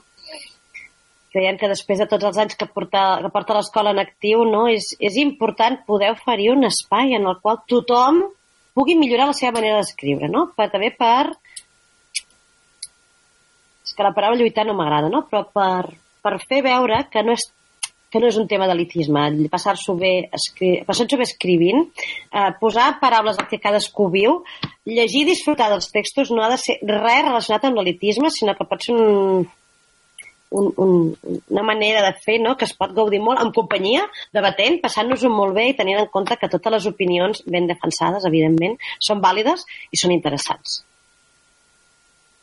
I llavors, per anar tancant una mica cap a on va l'escola de lletres en un futur, inclús també, si les noves tecnologies ja ho has anat comentant, però també han modificat la manera en com s'ensenyen. Sí, clar, com tots, no? Vam haver de modificar la pandèmia, vam, vam aconseguir fer molts cursos en línia. Ara, actualment, hem recuperat la presencialitat, doncs, perquè creiem, hem comprovat, notem, evidenciem que els nostres alumnes és, és una part que agraeixen moltíssim el poder-se reunir, però som conscients que la part en línia és molt important perquè moltes persones ja han optat amb la formació en línia com una manera de, de, de viure no? i d'entendre el seu creixement personal a banda de que és el que, he comentat, no? que sembla, semblava pràctic i ridícul, però és important poder existir a cursos que t'interessen sense desplaçar-te si no vols, si no pots, o si has decidit que no vols desplaçar-te. O sigui que és pràcticament molt necessari, vull dir, poder oferir aquest taller. I lligant amb la primera part de la pregunta que em feies, no, doncs, evidentment, a poder consolidar cada dia més aquesta, tots aquests cursos, que són sis, són sis tallers, els que ara tenim en marxa, tots aquests sis tallers que us he desgranat, crec que molt ràpid, però espero que, que es pugui entendre si veus la web, ah, molt bé, perquè molt bé. uh -huh. és que és difícil a vegades resumir-ho tot, no? Hi ha els dos monogràfics que us he comentat, el monogràfic d'escriptures captives, 6 i 13 de març, i, i, i un altre que és d'iniciació, que és en línia.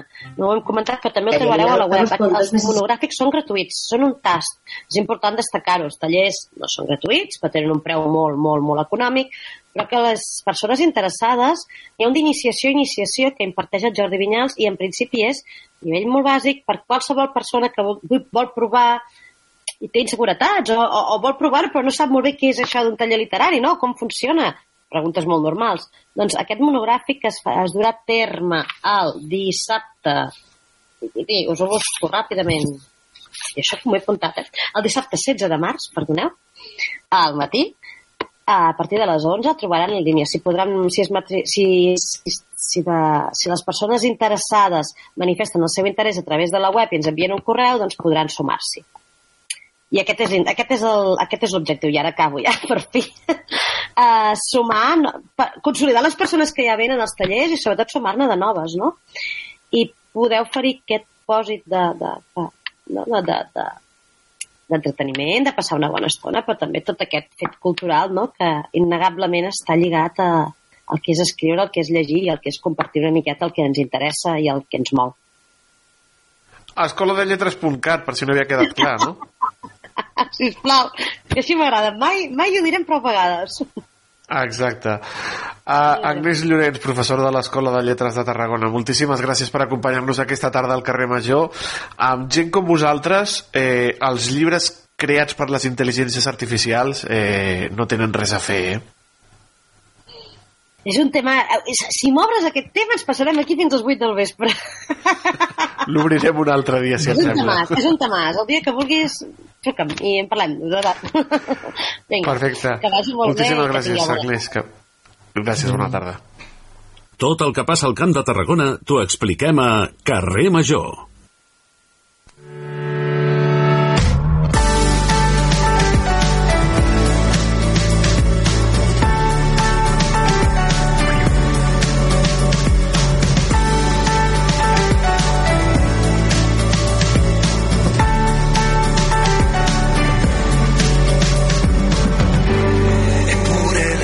Ens venen al cap, eh, si parlem d'esportistes d'èlit, com la Simone Biles, com el Ricky Rubio, com el Bojan Kirkic, que han tingut problemes i han hagut de parar perquè el seu cap els hi demanava. Ci troviamo a rivederci al rivite senza farlo apposta mi fai És molt important doncs, tenir uh, un bon cos però també un bona ment per afrontar els reptes de l'esport d'elit. Avui, avui en el nostre espai de la delegació territorial de Tarragona del Col·legi de, Oficial de Psicologia de Catalunya avui parlarem amb el psicòleg Àlex Barros Coca sobre el paper del psicòleg en els clubs esportius. El tenim a l'altre costat del fil telefònic i el saludem. Senyor Barros, molt bona tarda. Bona tarda, què tal? Un plaer estar amb tots vosaltres. Moltíssimes gràcies per atendre la, la trucada del, del carrer Major. El paper del psicòleg en els clubs esportius eh, és molt important. El psicòleg en el món esportiu des de fa uns anys s'ha convertit una, en una figura clau, no, senyor Barros? Sí, bueno, al final jo crec que el tema mental és algo que sempre ha estat en boca de tots, no?, en, en l'esport, no? O sigui, les, les tipes de- d'escoltar rodes de premsa, d'esportistes, no?, d'entrenadors, que sempre li donen molt de pes, li donen molta importància a l'hora dels èxits i també doncs, bueno, de les decepcions a nivell esportiu, no? tota aquesta, aquesta part mental, però sí que és veritat que, que fins fa no, ma, no, no massa eh, era algo que s'havia sempre deixat de la mà doncs, bueno, precisament això dels entrenadors, eh, dels propis jugadors que han de ser els que aprenen a gestionar una mica sobre, sobre la marxa no? tot aquest aspecte mental i bueno, eh, sí que és veritat que ja fa molts anys que existeix la figura del psicòleg esportiu però jo crec que fins, fins fa no massa eh, ara se l'està començant a donar la, la importància que té una mica per lo que deia també a part de, òbviament, jo he hablar de mi llibre no? I, a, i, a, i, a, i a explicar una mica el per què és important, però al final una mica doncs, perquè sempre s'ha parlat molt de la part mental i, i jo crec que doncs, bueno, ara se l'està començant a donar la importància i a treballar-la com, com, bueno, com és co- coherent no? amb, amb la importància que té. No em vull imaginar què deu passar pel cap d'un noi o una noia de 16, 17 anys, que li diuen ets el millor del món, ets el millor del món, ets el millor del món, ets el millor del món, t'ho repeteixen, t'ho matxaques, arribaràs molt lluny, arribaràs molt lluny, i no ho aconsegueixen. Ha de ser terrible, això. Pues sí, la veritat que són situacions que al, al final sí que és veritat que són situacions que no ens trobem gaire, perquè al final no, aquests nens i aquests nois pues, bueno, són, són, són poquets casos, però sí que és veritat que al final les expectatives no, que amb 16 anys, ja no que et creïs tu, que també, sinó que et crea tot l'entorn, que et crea fins i tot parlem de casos doncs, com bé parlaves tu abans del Bojan, fins i tot del Ricky Rubio, no? que van començar molt aviat, però jo què sé, actualment, no? el Lamin Yamal, eh, el Pau Cubarsino, que és un noi que està començant a jugar nivell d'equip amb 16 anys, o sigui, són nois que, que es troben en un món totalment diferent del que, ell, del que ells venien, no? i amb unes repercussions eh, a nivell de les seves actuacions, del que ells fan, eh, desorbitades, no? a nivell de, bueno, de, de mitjans de comunicació, a nivell d'expectatives que la gent els genera, i al final aquí eh, no ens podem oblidar que, que, bueno, que hi ha molts factors no? que al final no depenen de- d'aquests jugadors, no? pues com poden ser pues, entrenadors, com poden ser lesions, com poden ser mil coses, no? i al final jo crec que és molt important eh, que aquests nois estiguin el millor acompanyats possible, que, que treballin tota aquesta gestió d'expectatives i tot i així al final són situacions difícils perquè al final, com, com comentava prèviament, són situacions per les que mai estàs preparat, no? Uh -huh. Parlen, parlem del, del paper del, del psicòleg en clubs esportius sempre pensem en el, en el paper del psicòleg en un club professional, en un club de primera, de segona, eh, però vostès recalquen que és molt important també en les etapes més primerenques dels, dels nens i de les nenes, no? Clar, al final com... Eh, són casos puntuals, no? I són eh, un percentatge molt petit de la població, no? Al final, de tots els nens que fan esport, quan, arri quan arriben a ser professionals, és una part molt, molt, molt, molt, molt molt petita. No? Jo crec que això sempre ho hem de, de tenir en perspectiva, tant parlo a nivell entrenadors, parlo a nivell família, però al final l'important d'aquest esport de base, la prioritat és que aquests nens aprenguin valors, que aquests nens aprenguin diverses conductes que els poden ajudar eh, més enllà de, de, la, de, la, de la part de l'esport, a nivell social, a nivell educatiu, a nivell laboral, jo crec que aquesta és la part important del nostre, del nostre treball. Llavors, a, a més, doncs, tenim segurament les dificultats que, òbviament, el psicòleg esportiu normalment quan treballa pues, no treballa 40 hores, no? com potser pot, pot treballar un entrenador o, o un preparador físic. Al final nosaltres hem d'intentar exprimir al màxim les hores que tenim i el temps que tenim per intentar aprofitar eh, al màxim el nostre treball.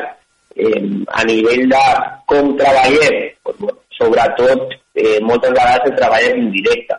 El treball no és directament amb els esportistes, que en algun cas puntual també pot ser, però és més treball una mica en, en com funciona no, l'estructura esportiva a nivell educatiu, a nivell de comunicació, a nivell de records, no? intentant treballar des d'entrenadors, des de coordinadors, des de preparadors físics, una mica com corregim, com reforcem, com comuniquem, no? Com aconseguim que aquests nois eh, assoleixin una sèrie de valors.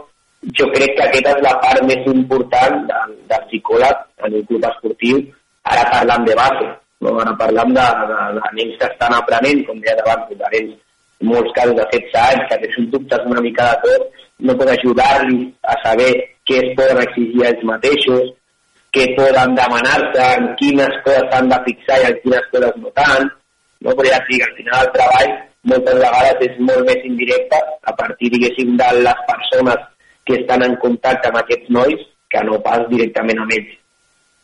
En una societat, eh, senyor Barros, que fem créixer els nens i a les nenes com a guanyadors, potser els haurien d'ensenyar a perdre? Totalment, totalment. Crec que has donat una mica mm, un aspecte molt important, no? que al final és el tema de, de la gestió d'expectatives. No? Si al final jo sempre espero que allò m'anirà bé, jo sempre espero que guanyaré, jo sempre espero que faré un gran partit, al final què passa? És que moltes vegades l'expectativa que jo tinc amb el que després és la realitat competitiva o la realitat esportiva és ben diferent, perquè no sempre faràs un bon partit, no sempre les coses sortiran bé, no? I amb això no vull dir que hem de pensar que sortiran malament, no? Ni, ni, al final no és ni buscar l'extrem, diguéssim, positiu, ni l'extrem negatiu. Hem d'intentar ser el més objectius possible i estar preparats doncs, per als diferents escenaris que es puguin donar, no? Al final, si jo sé i accepto que la realitat de l'esport, que un dia les coses poden anar bé, un dia les coses no tant, estaré més preparat per reaccionar a nivell emocional, a nivell conductual, no?, en aquella situació. Ara, si només em preparo perquè allò em surti bé, perquè, ostres, com deies tu, no, he de guanyar, doncs, bueno, aquesta realitat moltes vegades és ben diferent a aquesta expectativa prèvia que jo m'he marcat, no? I jo crec que al final és important que, que ens preparem per tot, no? I al final estem ara parlant d'esport, però això ben bé ho podríem aplicar eh, a la vida diària, no? No sempre les coses surten bé i l'important no és esperar ni, ni que sempre sigui d'aquesta manera, sinó adaptar-nos no? a la situació que, que toqui en aquell moment i intentar posar no, el, el focus en el que nosaltres controlem. Ha canviat molt perquè veiem el, els grans clubs que sí que tenen la figura del, del psicòleg esportiu, eh, els grans clubs, però ha canviat molt. Ja van els clubs petits, els, els clubs de barri, bueno, de, de barri, els, eh, podrien ser els pavellons o, o entitats esportives petites de ciutats, ja comencen a, a comptar amb aquesta figura del, del psicòleg esportiu? Clar, bueno, jo tampoc et puc parlar molt de temps enrere perquè porto 3-4 anys des de que vaig acabar al final del màster i bueno, uh -huh. puc parlar una mica de la realitat a dia d'avui, però sí que és veritat una mica perquè parlo amb companys, amb gent que hi porta més temps, al final sí que és veritat que és un camp que està creixent, no? I els clubs cada vegada doncs, bueno, eh, tenen més aquesta necessitat, doncs, perquè també veuen que està funcionant en altres llocs, que doncs, la gent parla bé de la disciplina, no? i al final tot això també fa eh, bueno, que cada cop també ens cuidem més, jo crec a nivell, a nivell individual, no? ja no parlo a nivell esportiu, i al final doncs, bueno, tota aquesta demanda jo crec que creix i creix també mm, basada una mica i, i, i recolzada en, en que hi ha molta gent fent un bon treball i que hi ha molta gent ostres, que, que a nivell inclús eh, pues, personatges mediàtics no?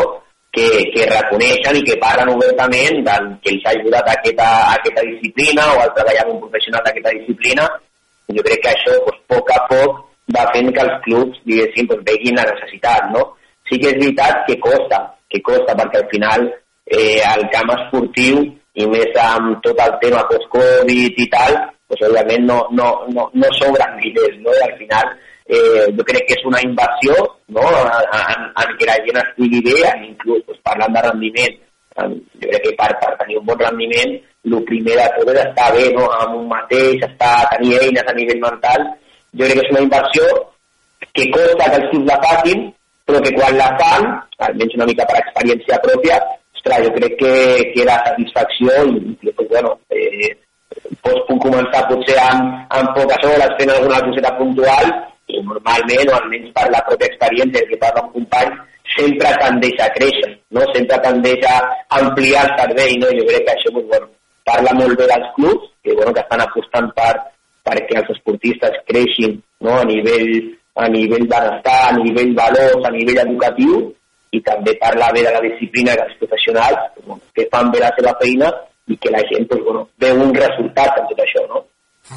Com deia el nostre convidat, és molt important que les figures de primer ordre eh, agraeixin la feina del, dels psicòlegs esportius i, i, i facin molt visible a, a aquesta figura, però són les mateixes pors, les mateixes inseguretats, les, les, els mateixos temors, els d'un esportista professional a un que està començant? Són, es poden equilibrar amb una balança? Podríem dir que són molt semblants? Sí, al final jo crec que pues, són les situacions que, que, que vivim també a, a nivell, ja dic, fora de l'esport, a nivell personal, no? Eh, òbviament, les situacions o el context canvia, però al final tot el tema d'expectatives, de ser capaç una mica també d'aïllar-te d'això, d'intentar, el que parlàvem abans, no? exigir-te i, i marcar-te objectius que depenguin de tu, intentar valorar-te d'una forma objectiva, i no condicionada pels resultats o per si tens un mal dia. Eh, jo crec que al final són situacions molt semblants i òbviament el que canvia és el context i el que canvia és la repercussió. No? Òbviament pues, que un nen eh, de 16 anys, pues, movimento, i passa no? pues que no, no estic jugant bé, no m'estan sortint bé les coses, no? però al final potser el que aquest nen eh, li fa sentir malament és que no sap com canviar la situació, no sap donar-li la volta potser el context proper pot sumar o pot restar. Eh, a nivell professional jo crec que és, és, és molt similar, el que passa que òbviament el context i la repercussió és diferent, però al final les situacions són molt, molt similars. Un tema molt interessant, aquest del paper dels psicòlegs en els clubs esportius i en el món de l'esport, que hem tractat amb el psicòleg Àlex Barros Coca, eh, gràcies a la delegació de Tarragona del Col·legi Oficial de Psicologia de Catalunya que cada 15 dies té el seu espai aquí al carrer Major, al programa de les 8 emissores de la xarxa del Camp de Tarragona. Eh, senyor Àlex Barros, moltíssimes gràcies per acompanyar-nos aquesta tarda al carrer Major i de nou felicitar-li per la gran feina que fan com a psicòlegs en els clubs esportius. Un plaer i moltíssimes gràcies per, per donar veu a la disciplina i per, i per apostar per, per tenir aquest espai a, al Col·legi de Psicologia. Carrer Major, al Camp de Tarragona, des de ben a prop. Guardo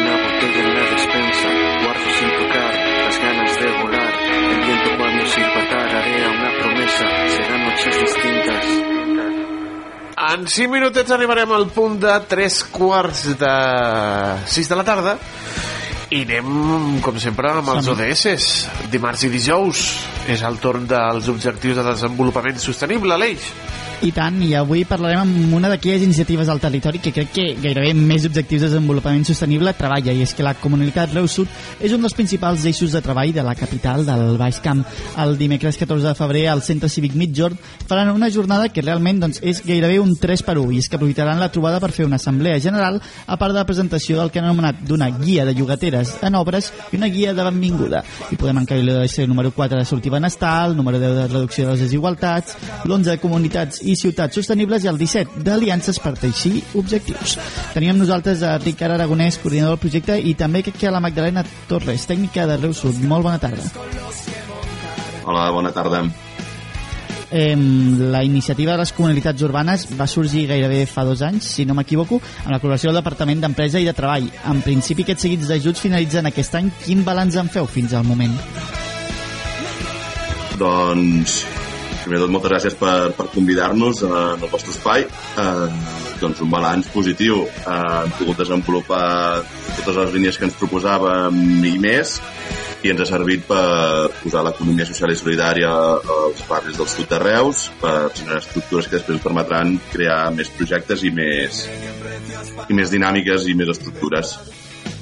De fet, aquest és una mica el motiu no, d'aquesta última assemblea que fareu. Entenc que, que serà un, una trobada també molt positiva. Sí, com bé deies, l'assemblea tindrà tres parts. Primer de tot, la, la xarxa de llogateres que hem, din, dinamitzat des de la comunalitat presentarà una guia que han elaborat i això potser la Magda us ho explicarà millor. Per altra banda, hem realitzat a través de la xarxa migrant una guia de benvinguda eh, pensada per les persones de Reus que acabin de d'arribar, doncs una miqueta que puguin tindre uns quants recursos i un, tota la informació sistematitzada que puguin necessitar, no? i per altra banda ens servirà per fer una valoració d'aquests dos anys i explicar doncs, totes les línies que no han produït guies, no? han produït altres, altres taules de, de coordinació o grups de suport mutu o béns comuns urbans, doncs explicar-los doncs, què hem fet de cadascun. Parlem una mica d'aquestes guies i et sembla, Magdalena. També eh, comencem amb la primera, aquesta que m'interessa especialment sobre les jugateres en obres. En què consisteix? Què és? Com funciona?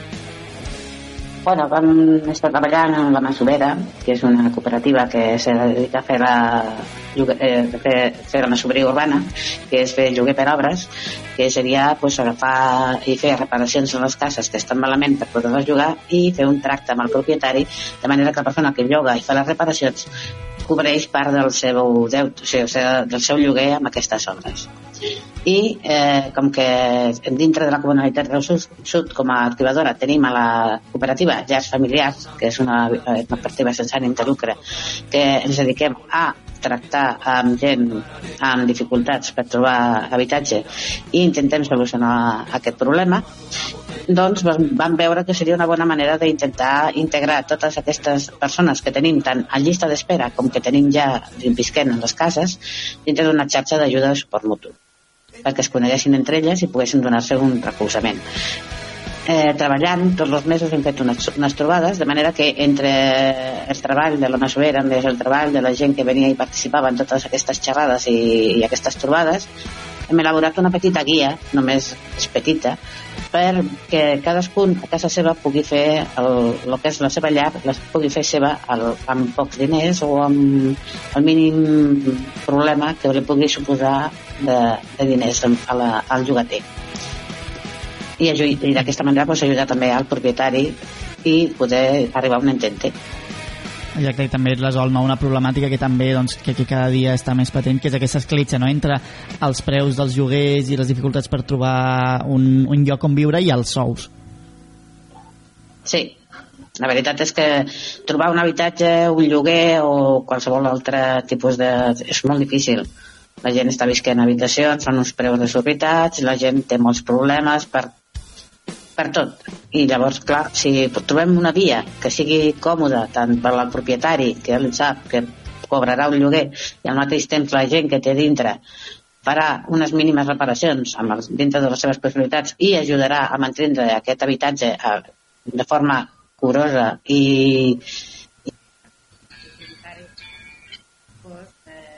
eh, que- serà, sortirem guanyant. tots.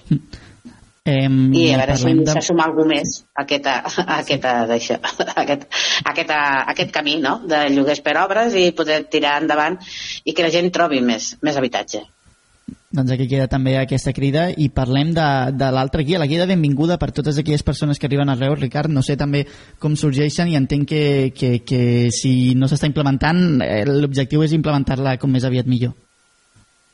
Bé, bueno, no hi ha ben bé res. És un seguit de recursos, doncs, informació doncs, de l'empadronament, del CAP, educació pública, eh, entitats socials, eh, una miqueta, no? una guia de benvinguda que podria ser genèric, doncs, localitzada a Reus, amb els, les adreces, els telèfons, i totes les qüestions que hi ha a la ciutat de Reus. Aquesta guia ha estat desenvolupada al llarg de- d'aquest últim any eh, a través de les trobades mensuals de la xarxa migrant, que era un dels aspectes que treballàvem dintre de la comunitat Reus Sud, i llavors una miqueta la dinàmica ha sigut, doncs, si venia mm, la Comissió Catalana d'Ajuda al Refugiat, per exemple, que és una de les qüestions que surt, doncs venia una tècnica, ens explicava el projecte a les persones que tinguessin interès d'aquesta xarxa migrant i a banda ens servia per desenvolupar-lo. I així, en diverses qüestions, eh, que doncs, bueno, han acabat confeccionant la, la guia i estarà disponible en català i en més idiomes, eh, depenent de l'origen de les persones, les llengües majoritàries que es parlin. I en part també entenc que és important no? que tota aquella gent que arribi sentir seva a la ciutat i també facilitar la, la integració en un, en un espai nou. Totalment. És una, teníem que era una manera interessant de que aquesta desorientació que, que moltes persones a l'arribar doncs, es troben en una ciutat nova, en una societat nova, en llengües noves, doncs tot nou, doncs que fos una manera de d'encarrilar, les- de mitigar no? aquesta desorientació. Doncs entenc que, eh, faré una pregunta també que eh, entenc que ja hi conec la resposta, però la intenció serà poder renovar no? aquesta, aquesta comunalitat urbana que, que, que heu tingut aquest termini del 22 al 24. Entenc que l'objectiu és poder-la revalidar dos anys més. De fet, ja està revalidada i hi haurà dos anys més de comunalitat. I llavors, tant, una miqueta, ja- sí.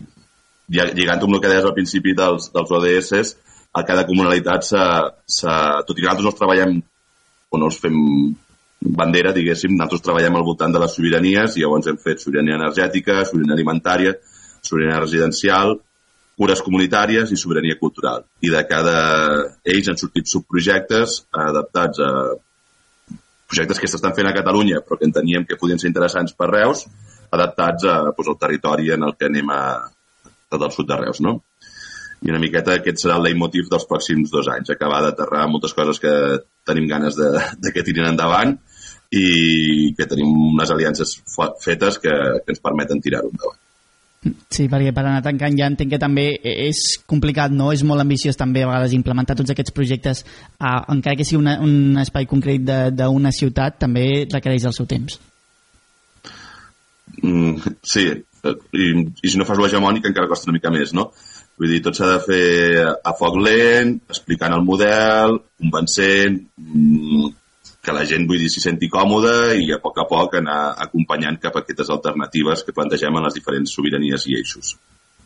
Doncs que, que sempre és un plaer poder escoltar iniciatives com la Comunitat Reus Sud eh, a la mà de Ricard Aragonès i la Magdalena Torres. Moltíssimes gràcies pel vostre temps, per venir a explicar doncs, aquest, aquest assemblea, aquest dia marcat al calendari el 14 de febrer. Moltes gràcies pel seu temps.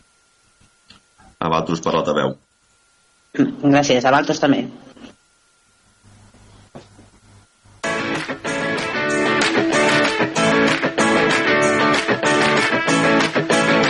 Doncs, hem començat eh, parlant de ciència i acabarem el programa parlant de ciència amb la furgoneta, amb la Cristina Artacho, que avui s'ha anat a parlar del paper de la dona i la nena en el món de la ciència. Anem a escoltar el que ens explica la Cristina Artacho. La saludem. Bona tarda, Cristina.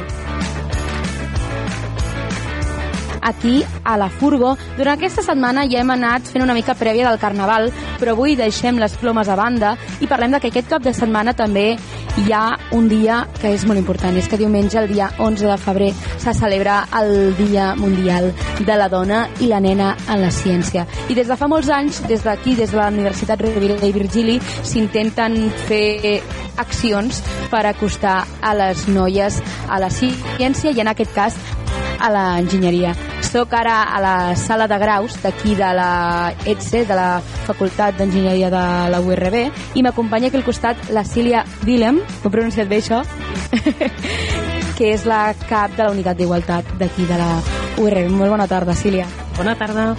Aquesta jornada que s'està duent a terme durant aquest dia, el Girls Day, que pretén acostar les noies de tercer d'ESO d'instituts de la demarcació a aquestes enginyeries. Sí, el Girls Day és una cosa que, que un esdeveniment que fem uh, cada any i que i, convidem noies de tercer d'ESO de la demarcació per venir a conèixer no, l'escola tècnica superior d'enginyeria i enginyeria química aquí al campus a Salades de la, de la URB. Per què concretament noies de, de tercer d'ESO? Doncs, bueno, noies és evident, no?, perquè volem que les noies s'acostin físicament i també mm, no, mentalment el que seria una carrera d'enginyeria i tercer d'ESO perquè diguem és un moment que, que han d'escollir no? que, o, o, o dins de poc hauran d'escollir quina direcció agafar. A mi personalment la, aquesta divisió entre ciències i, i lletres mai, mai l'he entès bé. Per mi eh, tot, és, tot és ciència i tot eh, contribueix a l'avanç del, del coneixement, però com que hi ha aquesta no, divisió, doncs volem incidir just en aquest uh, moment. Són unes carreres, no precisament les enginyeries, on estem encara molt lluny de, de la paritat en alguns graus. Sí, és veritat. Um, dins el que és els STEM, no? ciència, tecnologia, enginyeria i matemàtiques, la E, no? la enginyeria, és la que representa eh, la major desigualtat. Tenim un, un 10-15% de matriculades per, per curs a enginyeries. Aleshores, aquí és on, on volem incidir eh, sobretot. El, el, el, el problema és que les noies no, la noi, les noies no s'hi veuen, no es veuen capaç de, o capaç o, o atretes el que seria una enginyeria i no deixa de ser l'enginyeria no deixa de ser la búsqueda d'una solució a un problema pràctic de la vida diària. Arrosseguem segurament en certa manera aquella cultura o aquells estereotips que les dones ens han dit sempre que l'enginyeria no és per nosaltres. De fet, ve, ve de molt, molt abans, no? A partir dels 6 anys ja les mateixes nenes, quan ja són conscients que són nenes, no? que és al voltant dels 6 anys que hi ha consciència no? de gènere, ja van calant els estereotips de gènere. I les mateixes nenes no es veuen tan llestes com els, com els nois. Curiosament, els nens no pensen això, eh? però les nenes sí. No sé en què es basen, perquè realment mm, els resultats escolars generalment no, són, són millor en el, en el cas de les nenes. Però eh, mm, clar, els resultats escolars no és l'únic factor no? que contribueix en aquest, en aquest estereotip de gènere. Hi ha eh, tota la, no? l'entorn, la, la societat, els mitjans, no? tot el que veiem en les produccions culturals de ficció i no ficció.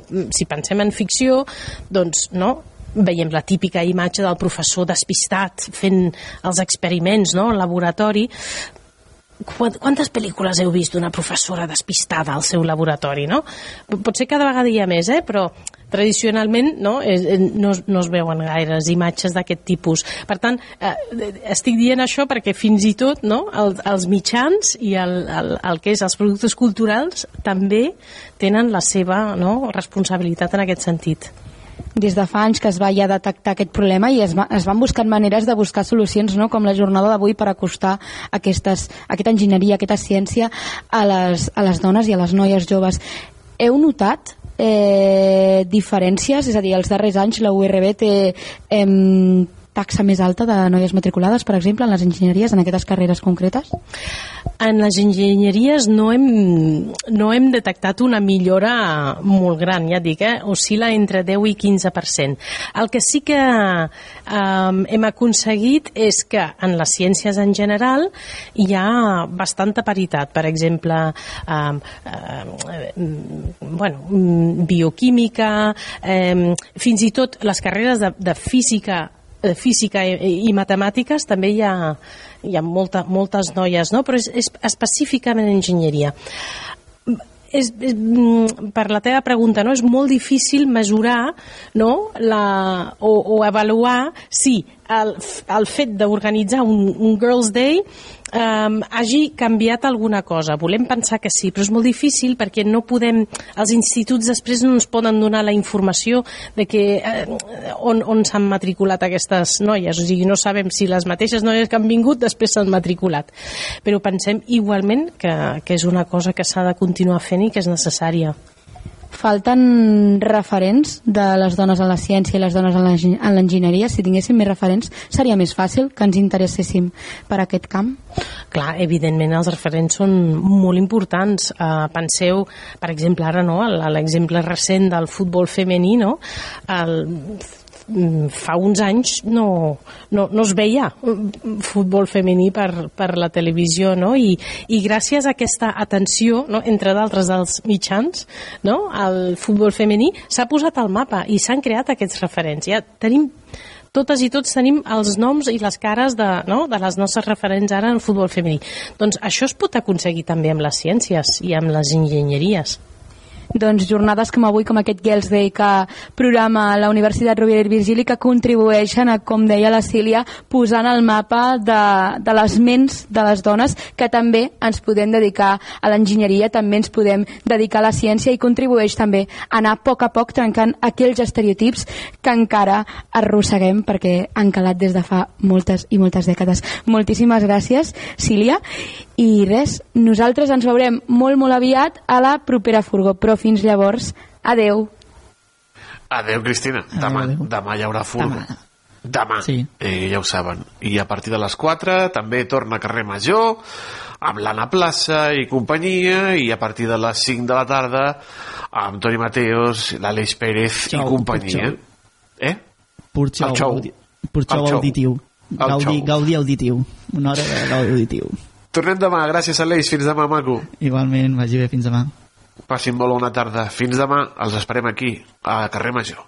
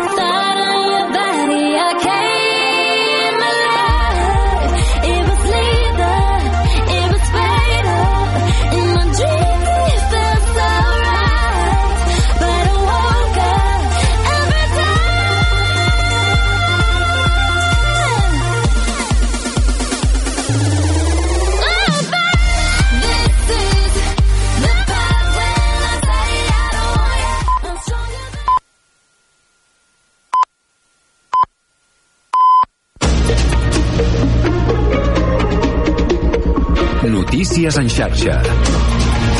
Bona tarda, són les 6, us parla Mercè Roura. La reunió dels pagesos amb els partits